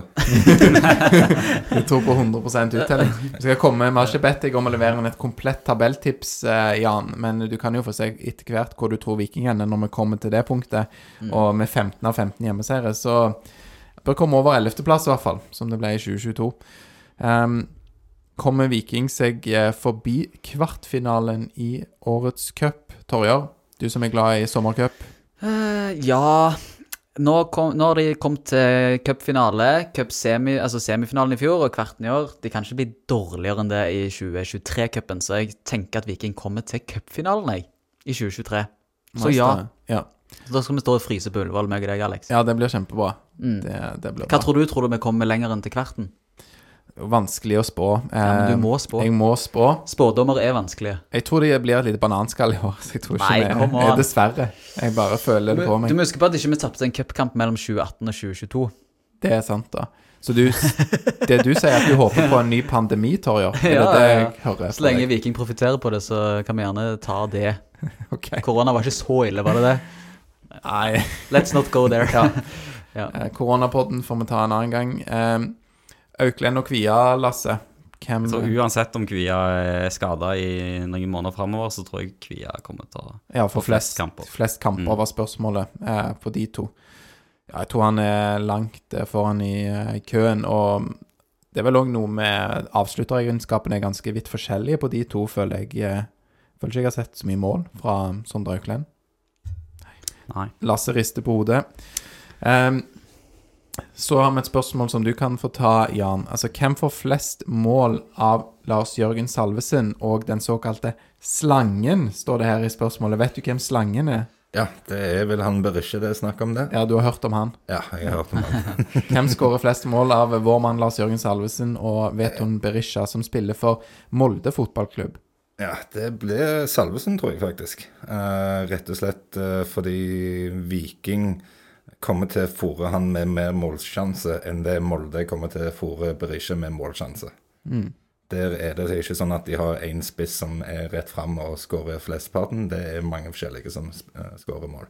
Så det blir Salvesen. Ja. Jeg føler det var et uh, riktig svar. Godt svar. Jeg vil jo òg bare minne alle lyttere og seere om at vet om Berisha har ikke en veldig god track record utenfor Viking. Det, er, det, det begynte jo bra når han var i Hammarby òg, og så ja, gikk det litt eh, nedover med mål og målpoeng. Så ja. Tror, eh, tror du har rett der, Jan, at Lars Jørgen Salvesen putter en del flere mål. Da tar jeg neste spørsmål, Alex. Havner Viking foran eller bak Brann? Og det er til deg, Alexander. De havner foran, og det skal dere få se av mitt eh, tabelltips. Ja. Altså, Brann kommer til å gjøre det ganske bra i år, men, men Viking, det er jo noe med rutinen og at denne iveren eh, som Brann vil angripe 2023-sesongen med etter å ha vært i Obos i fjor, det holder en stund, men det holder ikke helt inn da. Du kan ikke bare ta det på innsats, liksom. Nei, for de har ikke noe bra grunnspill. Og, Men det, det er òg det med Brann mangler kanskje litt det med bredden i laget og holde på hele sesongen. ja, Mm. det er godt mulig. Kanskje de vil angre seg. Nå har jo Ole Martin Kolskogen, som var eh, i Jerv i fjor, har jo gått til Ålesund. Har han det, ja? Ja, så han har de ikke med, så kanskje de vil angre hardt på det, da, for Mm. Av alle, alle spillere Brann ikke har, så er det Kolskogen du trekker fram. Ja, nå håper jeg jeg sa rett. Ja, han Ja, er du ute på lån til Ålesund, ja. Ja. Ja, nei, det var bare et eksempel, da, på um, Altså, man det, Ja, Jan sier med bredde, da. Mm. Du, det er en lang sesong om det kan komme skader og forskjellig. Det er helt sant. Skal vi da ta litt om fantasy før vi tar tabelltipset til slutt? Ja, Ja. Det gjør vi. For Jan, du eh, er jo en god mann til å synse om Viking, men du er òg en god mann til å spille fantasy, rett og slett. Ja, jeg kan spille, men om jeg Du kan er god reglene. Ja, Om jeg er god, eller det er Greit nok. greit nok. Men du har i hvert fall erfaring med å organisere da eh, Vikingpodden og eh, Viking sin eh, fantasy-liga. Ja, det har jeg. Og det skal du gjøre i år igjen. Mm. Hva, eh, hva er greia? Hvor, hvor er vi? Nå er det jo snart på tide for folk som skal spille fantasy, å sette opp et lag, er det ikke det? Eh, jo, det begynner jo neste mandag, så alle har fram til eh, første én time før første seriekamp å melde seg på og sette opp et lag. For de som ikke kan så voldsomt mye om fantasy, så er det en egen knapp hvor laget blir valgt automatisk for deg. Men eh, fantasy det handler om at eh, du går inn på spilleappen til TV2, og så velger du Du får 100 millioner kroner. Og så velger du et lag med 15 spillere. Så du får rett og slett prøve å være manager da, for et eliteserielag, og plukke da spillere fra forskjellige klubber, og håpe å få mye poeng ut ifra hvor spillerne dine gjør det, da, om de holder nullen, om de skårer mål og sånne ting. Og så er det å prøve å finne de spillerne som får flest poeng, og som koster minst. Ja. ja, for du kan ikke kjøpe alle de beste. Det har du ikke råd til med 100 millioner eh, kroner. Nei. Skjønner. Eh, Spillere stiger og synker i verdi, er det ikke sånn? Mm. ja, hvis man gjør det bra. Mm. Så det kan være noen ukjente, som så Edvin Austbø, eksempel. Eh, etter ti serierunder så kan han være ganske dyr. Hvis han har gjort det bra. Mm. Ja, La oss det- håpe det. Det, det går an på hvor mange som kjøper de. Jo flere som kjøper spillerne, jo mer øker de i verdi. Ja, ok. Mm. Ja. Hvem er dyrest på Viking nå? Det er han Salvesen. Salvesen. 9,5, var det det du skrev, ja? Mm. Mm. ja. Det er jo et røverkjøp. Ja. Og, og når man spiller fantasy, da, Jan, da er det sånn at man kan eh, sette opp sin egen eh, liga med noen venner, men man kan òg være med i sånne store ligaer, kan man ikke det? Jo. Og vi har en sånn som har, eh, hadde 200-300 i fjor, var det det? Vikingpodden sin? ja, men det lå vel rundt 300-400. 300-400, ja. Eh, og, og mange, da, inkludert oss, har jo òg premier da, for å gjøre det bra i disse eh, ligaene. Hva kan du si om Vikingpodden sin liga? Ja, uh, Ligaen er åpen. Uh, de kommer til å sende ut informasjon om det i morgen. Uh, så- Hvem er de her? Viking. Viking, ja. Ja. Klubben. Ja. Mm. Mm. Så de kommer til å sende ut i nyhetsbrev og oppfordre folk til å melde seg på. Og så skal vi dele link til å melde seg inn òg. Så hvis man følger Vikingpodden på sosiale medier, eller går inn på vikingpodden.no, så kan man finne hvordan man blir med i vår liga. Mm. Og så er det bare å melde seg inn og prøve å få å vinne de fine, fine premiene som vi har fått eh, utdelt av Viking. Mm. Mm. Hva er noen av disse premiene folk kan vinne? Det er skjerf.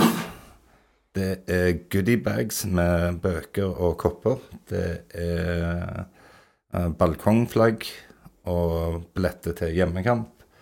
Og så noen premier som ikke er helt bekreftende, men uh, veldig fine. Men venter på endelig, endelig svar om de. Og den som vinner hele serien, eller de Han vinner et hus.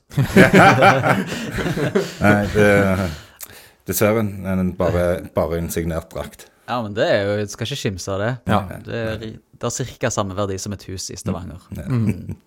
Og hvis man vinner i Fantasy, så får man òg være gjest i Vikingpodden. Den forrige som vant, eh, bor geografisk litt eh, utilgjengelig ute i periferien på Østlandet eh, et eller annet sted, tror jeg. Du husker ikke hvem som vant i fjor? Nei, det, det Jan husker det. Ja. Andreas Otesen. Oh, Ja. Mm.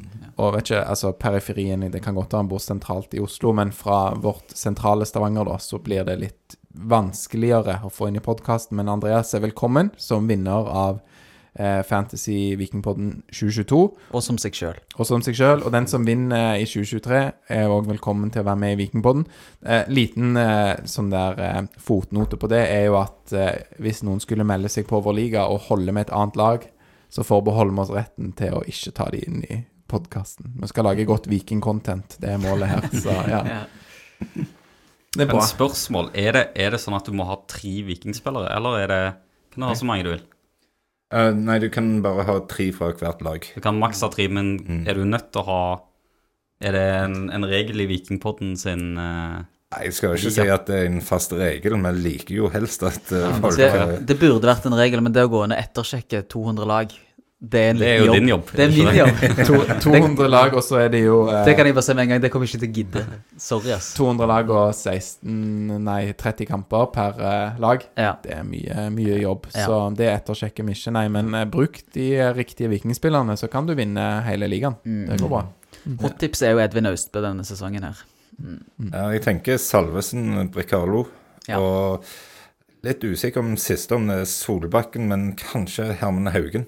Mm, ja. For han kan uh, ikke bare holde null, men òg en del mulige må, uh, assist og målpoeng. Mm. Mm. Og Løkberg fra sida. Han er billig og skårer jo litt mål. Han er mye i eh, motstanderens eh, 16-meter, så jeg har troen på Løkberg. Jeg kommer til, og Hvis jeg gidder å lage lag, det må jeg jo nå, så jeg snakker om du- du må- Ok, Når jeg lager lag, Mm. så skal Løkberg være på mitt lag. Ja, men det er bra, eh, Torjer. Ja. Du er jo ikke sånn eh, veldig sånn spillmann, er mitt eh, inntrykk. Nei, det altså, går- jeg har jo prøvd å spille brettspill med deg, for eksempel, og da føler du deg sånn Bob-Bob motivert. I brettspill, ja. Ja, I Secret Hitler, i hvert fall. ja og Ja. kanskje i noen andre Jeg spiller bare Grand Theft Auto. Du spiller litt mer sånn dataspill, Mm. rett og slett. Mm. Ja. Mm. Ja. Skal du si noe mer om fantasy, Jan? Ja, det var en ting til. Vi har et lite mysterium fra Ja. i fjor. Ja. Eh, så siden det er påske nå, så passer det kanskje med et lite krim. Og vi skal løse det vi skal løse, er hvem er um, Tore Tang. ja. For vi hadde en vinner fra, fra i fjor som kom på andreplass, som vant en signert drakt. Men navnet han oppga i spillet, var Tore Tang. ja. Så vi må jakte på Tore Tang for å finne ut uh, hvem han er, sånn at vi kan få delt ut premien. Ja. Følte du lyste litt opp her, Lasse. kan det være Morten Abel, tenkte jeg med en gang. Men han er ikke så glad i fotball, er han det, Morten Abel? Han har lagd sang om Viking, han elsker Viking. Det Ja, han er glad i Viking og de mørkeblå, men jeg føler ikke han er den som Ja, Jeg får håpe, hvis han hører på, da, at han kan gjøre seg til, gi seg til kjenne, eller gjøre seg til kjenne. Denne som er Tore Tang, Mm. som kanskje Så får vi la tvilen komme han til gode. Ja. Den som hevder seg å være det. Det eneste jeg fant ut av om han var at han i tillegg var med i liga til Coop-ansatte. Så jeg Ja. tror han jobber i Coop. Ja, okay. Men eh, til alle Coop-ansatte da, som eh, hører på Vikingpodden, ta gjerne og sjekk om dere har en eh, Tore Tang som jobber et eller annet sted i Coop-organisasjonen. Mm. Og om han er en gammel mann. Hele byen kjenner han. Og på det så går vi videre. Eller vil du si noe mer om fantasy, Jan? Er vi bli med på eh, Vil jeg bare oppfordrer folk til. Ja. Trykk, ja. følg oss på sosiale medier. Der kommer det link. Og gå på inn på vikingpodden.no, så blir det veldig enkelt å skjønne hvordan man eh, blir med. Og så blir det Det blir flere sjanser å vinne. Så det er ikke kun den som leder gjennom hele serien, som eh, kommer til å vinne, men òg den som eh, har høyest uh, poengsum i, en, i løpet av en fase. Så alle kan gjøre det skikkelig bra én runde. Og så er det nok, liksom. Ja. Så er det nok å vinne premie. Mm. Altså uh, ha det gøy. Ja. Prøver ikke å bli altfor forbanna på spillet. Nei, jeg har jo vært eh, dypt inne i fantasy eh, tidligere, som jeg har måttet trappe det litt ned. Og jeg, da brukte jeg, jeg tror, eh, to timer i uka i snitt på å sette opp lag. Så det Jeg må passe meg. Så jeg må Ja. Jeg kan bli litt avhengig. Mm. Ja. Skal vi gå til tabelltips, eh, da? Ja, la oss gjøre det. Jeg har Viking på Skal jeg bare starte med det, eller skal jeg presentere Skal vi- hele tabellen, eller? Skal vi starte med Lars, som ikke er her Ja, vi starter med Lars. For Lars, han eh, Ja, som sagt, er syk, eh, men har tippa Viking på Sjetteplass. sjetteplass. Har ikke gitt noen Yes. begrunnelse for Nei, dette, godeste Men Lars. han får jo nok taletid uh, gjennom en lang sesong, så jeg regner med han kan begrunne det i neste episode, eller noe sånt, kanskje. Han har sikkert en god refleksjon. Det vil jeg tro. Skal vi ta deg da, Jan? Hvor tror du Viking havner i årets sesong? Jeg tror kanskje, kanskje fjerde. Fjerdeplass, ja. Høyere enn Lars. Jeg, jeg liker det. Jeg føler du er mer inne på den, Lars. Ja. Em, Lasse, du har eh, sagt allerede, har du ikke det? Jeg har sagt uh, iallfall tre ganger, tror jeg. Ja. Uh, jeg sier det igjen. Tredjeplass. Tredjeplass på Viking. Enda, enda høyere, ja. Yes. Em, Skal vi ikke begrunne, skal vi bare si plassering? jo, gjerne. Det er lov å Vi begrunne. trenger Lasse, for du lovte oss at du skulle komme med et godt resonnement, så jeg vil gjerne høre hvorfor du tror Viking tar bronse i 2023. Jeg tror det er flyten vi kommer til å få med oss. Mhm. Og så tror jeg at vi har en uh, toppskårer. Potensiell toppskårer i Salvesen. Eh, et forsvar som er bra, en keeper som er god. Og så har vi spennende unggutter og generelt en, en, en bra tropp, vil jeg, vil jeg si, i eliteseriesammenheng. Er det andre lag du vil se opp for? Du har jo tippa hele tabellen her. Er det andre lag du føler liksom man skal se litt ekstra opp for? Prøv å sette opp en tabell. Det er veldig vanskelig. Ja, Det er mye lag du ikke har peiling på hvor du skal plassere. jeg kan jo bare si det når jeg ser på Lasse sin tabell, at du har jo satt Rosenborg på niendeplass.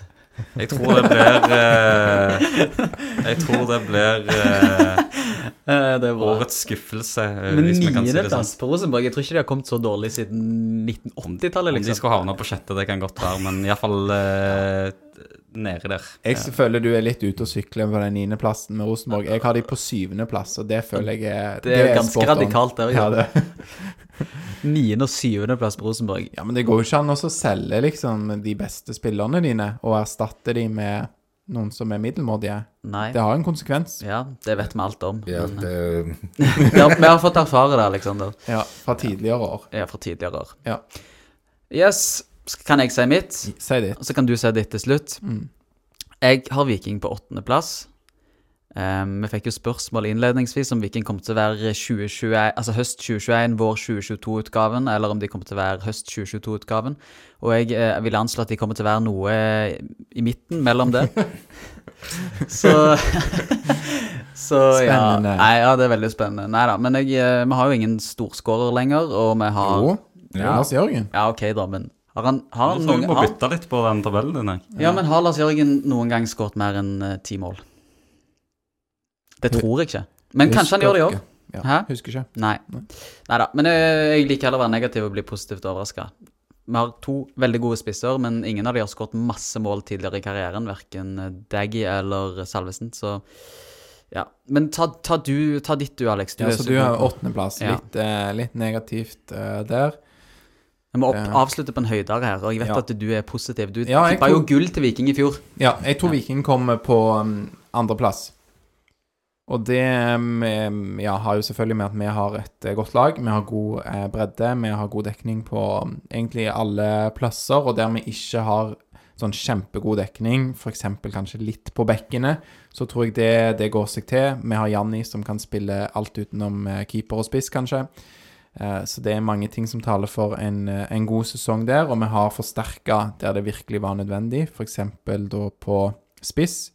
Sander Svendsen ser ut som en ny versjon eh, av seg sjøl. Nilsen Tangen. Nilsen Tangen, og hvis han Han vet jeg ikke om ser ut som en ny versjon av seg sjøl. Jeg har sett det glimtvis, men håper han gjør det òg.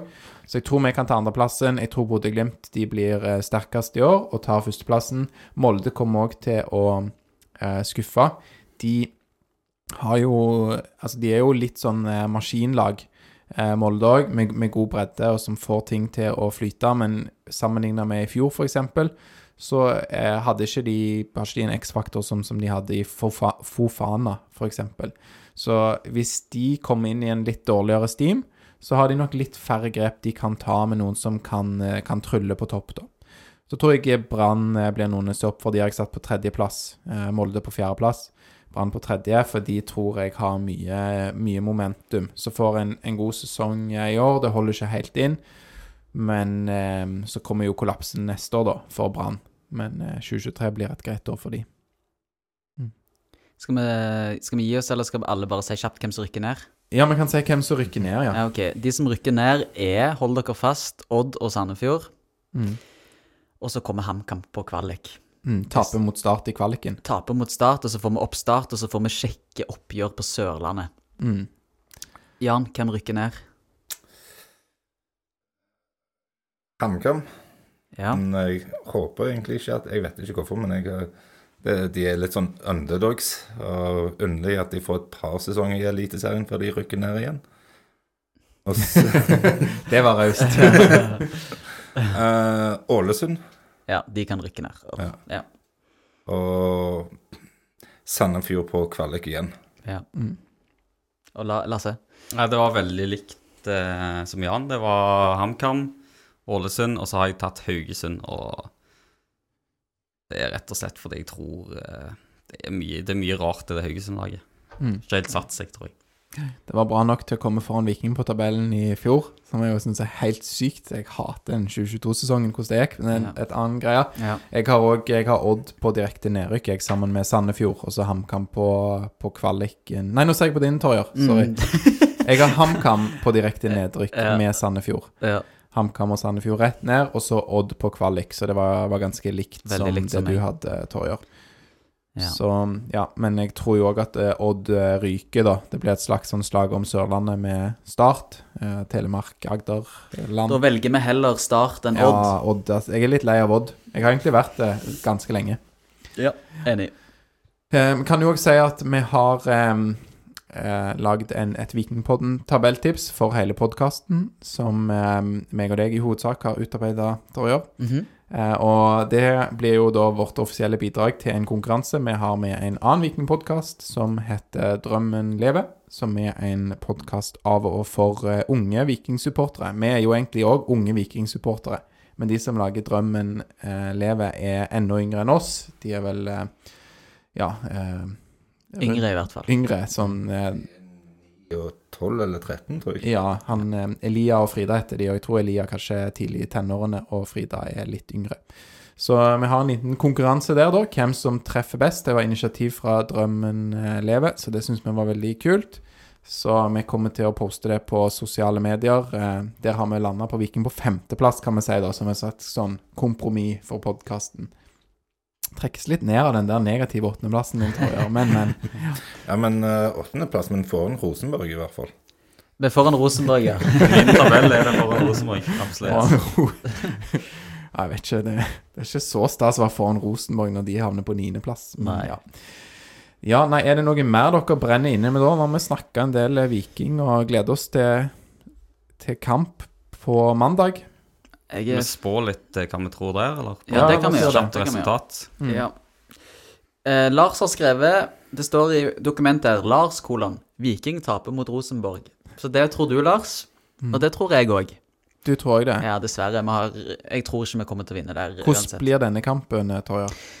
Eh, jeg tipper at Rosenborg leder 2-0 når det er spilt 17 minutter. To mål av Ole Sæter. Viking kommer til å Ja, du er ikke enig, men du, du Ja, Ole, rister er skadet. Han er ute med et par måneder. Det var derfor de måtte ta inn han finske eh, Agua, eller hva han heter. Ok. Ja, nei, men da må, jeg, da må jeg revurdere hele Sånn er det. Eh, ja, OK. Nei, men da Er det da- to andre som har skåret? Da er det to andre som har skåret. Ja, hvem kan det være, da? Vi tenker på hvem som spiller på Rosenborg. Um, Han der Markus Henriksen, tror du han har skåret et par mål? Han er stopper når han Nei, han kommer ikke til å skåre. Ja, de har brukt den litt i midtbanen òg nå i det siste, Har de det? Ja. Hvem, kan ikke du bare si til meg hvem som spiller spiss? så kan jeg si hvem Det er jeg, finske, da, var det det Det du finske Det var en av de som Sadiku, er det ikke det han? Ja, Sadiku. Ja. Og så har de han eh, islandske Aga. Er vel Oscar de to ja. spissene som Å, ja, Oscar Han er norsk, da. Han er norsk, Ja, ja. Oscar Aga. Ja, ja. Men det er en annen islending de har fått inn fra Var det fra Vikingur? Og det var Sadiq. Eller var færøysk? Kan ja, er jeg, Her er jeg ja, ikke ok, god på To mål av Oscar. Aga. 2-0 til Rosenborg. Og Ingarsson var det vel. Ingarsson, kanskje, ja. Ja, nei, jeg er så dårlig på uh, Du, du har fulgt med mer enn oss på Rosenborg, i hvert fall. Det skal du ha. Og Viking òg, for den saks skyld. Kan eh, alle skadene og greier. Jeg, eh, ja. Ja, men må, kanskje Jan må ha deg inn eh, hyppigere i episoden, for du faktisk uh, Følger med. følger, følger faktisk med. Vi er mer glad i å sitte og snakke med. Følger ikke så mye med. Neida. Nei, men 2-0 til Rosenborg. To mål av Oscar Aga. Lasse, hva tror du? Jeg tror eh, 2-1 til Viking. Ja, hvem skårer? Salvesen Tripic. Eh, Rosenborg, det driter jeg i, egentlig. Og du da, Jan? Jeg tror for Jeg hørte uh, i går vel at uh, Viking har ikke vunnet hjemme mot Rosenborg på 17 år. Er borte. Ja. Ja, Uh, det er på tide. ja. ja. Det er på tide at uh, Viking vinner. Eh, Så det ble 3-1. 3-1. Mm. Og hvem skårer? Eh, to fra Salvesen, Mm. og kan ta en fra Svendsen. Ja, det Midt i blinken. Mm. Alex? Ja, jeg tror òg at uh, Lars Jørgen får to mål, men jeg tror at uh, Rosenborg får en heldig 2-2. Ja, så det er liksom det er Viking sin kamp, men Rosenborg klarer å få et par mål, da. Mm. Så, og så er vi sånn tålelig fornøyd, og så er det greit. Grei start på serien, og en vanskelig bortekamp er unnagjort. Og, ja, og der har vi slitt, ja. Så Så da er det to. Meg og Lars tror det blir tap. Lasse og Jan er positive og tror Viking vinner, og du tipper det blir uavgjort. Så det er ganske spredde tips her fra Mm. Vikingpodden. det er det. Men um, vi er jo ganske gode, da, på Da helgarderer vi oss jo. Ja, ja, Så jo- noen av oss kommer til å treffe. Det er jo bra. Da var vi ved veis ende i programmet. Gutta boys, er det noe mer dere vil si om Viking før vi sparker i gang Eliteserien 2023? Lykke til, vil jeg si. Ja. Ja, vi går for gull. Vi går, ja, vi går alltid Break for a leg. gull. Og blir det andreplass, så er det greit. ja. Ja, greit nok. I år. I år. Ja. Ja. Skal vi avslutte da med å si eh, Heia Viking, da? Oh, kan jeg bare Én Ja. ting? Ja. Eh, hvis dette kommer ut senere i kveld, og Julius, hvis du hører på dette her, sønnen min, så bør du egentlig holdt på å sove nå. Legg deg. Julius, eh, for han er en Nå skal jeg gjette. Julius er 11 år. Han er Å, herregud. Du er bedre på Ja, skader eller- og sånn enn eh, Ja. Han er tolv snart. Han blir snart 12. Ja, jeg traff da. Hæ? Ja, du er bra, Julius, det er bra. Julius 11 år, ja. Nå, Julius, det er helt riktig som pappa Jan sier, at eh, man kan ikke være våken for seint. Nei. Selv om det er påskeferie. Vi får håpe han ser det på YouTube i morgen, heller. Da fikk Tore inn en ekstra Ja. YouTube-pitch. Subscribe på YouTube, alle Ja. sammen. Det er det gjerne til alle vennene dine òg. Men uh, takk til alle som har uh, sendt inn uh, spørsmål. Eh, det setter vi veldig pris på. Takk til alle som støtter og hører på Vikingpodden. Eh, veldig glad for det, og vi gleder oss til en ny sesong. Det er herlig å være en, en del av den utvida vikingfamilien. Og god bedring til Lars Risan. God bedring til vår cohost Lars, læreren fra Madla Risan. Én, to, tre. Heia Viking! Heia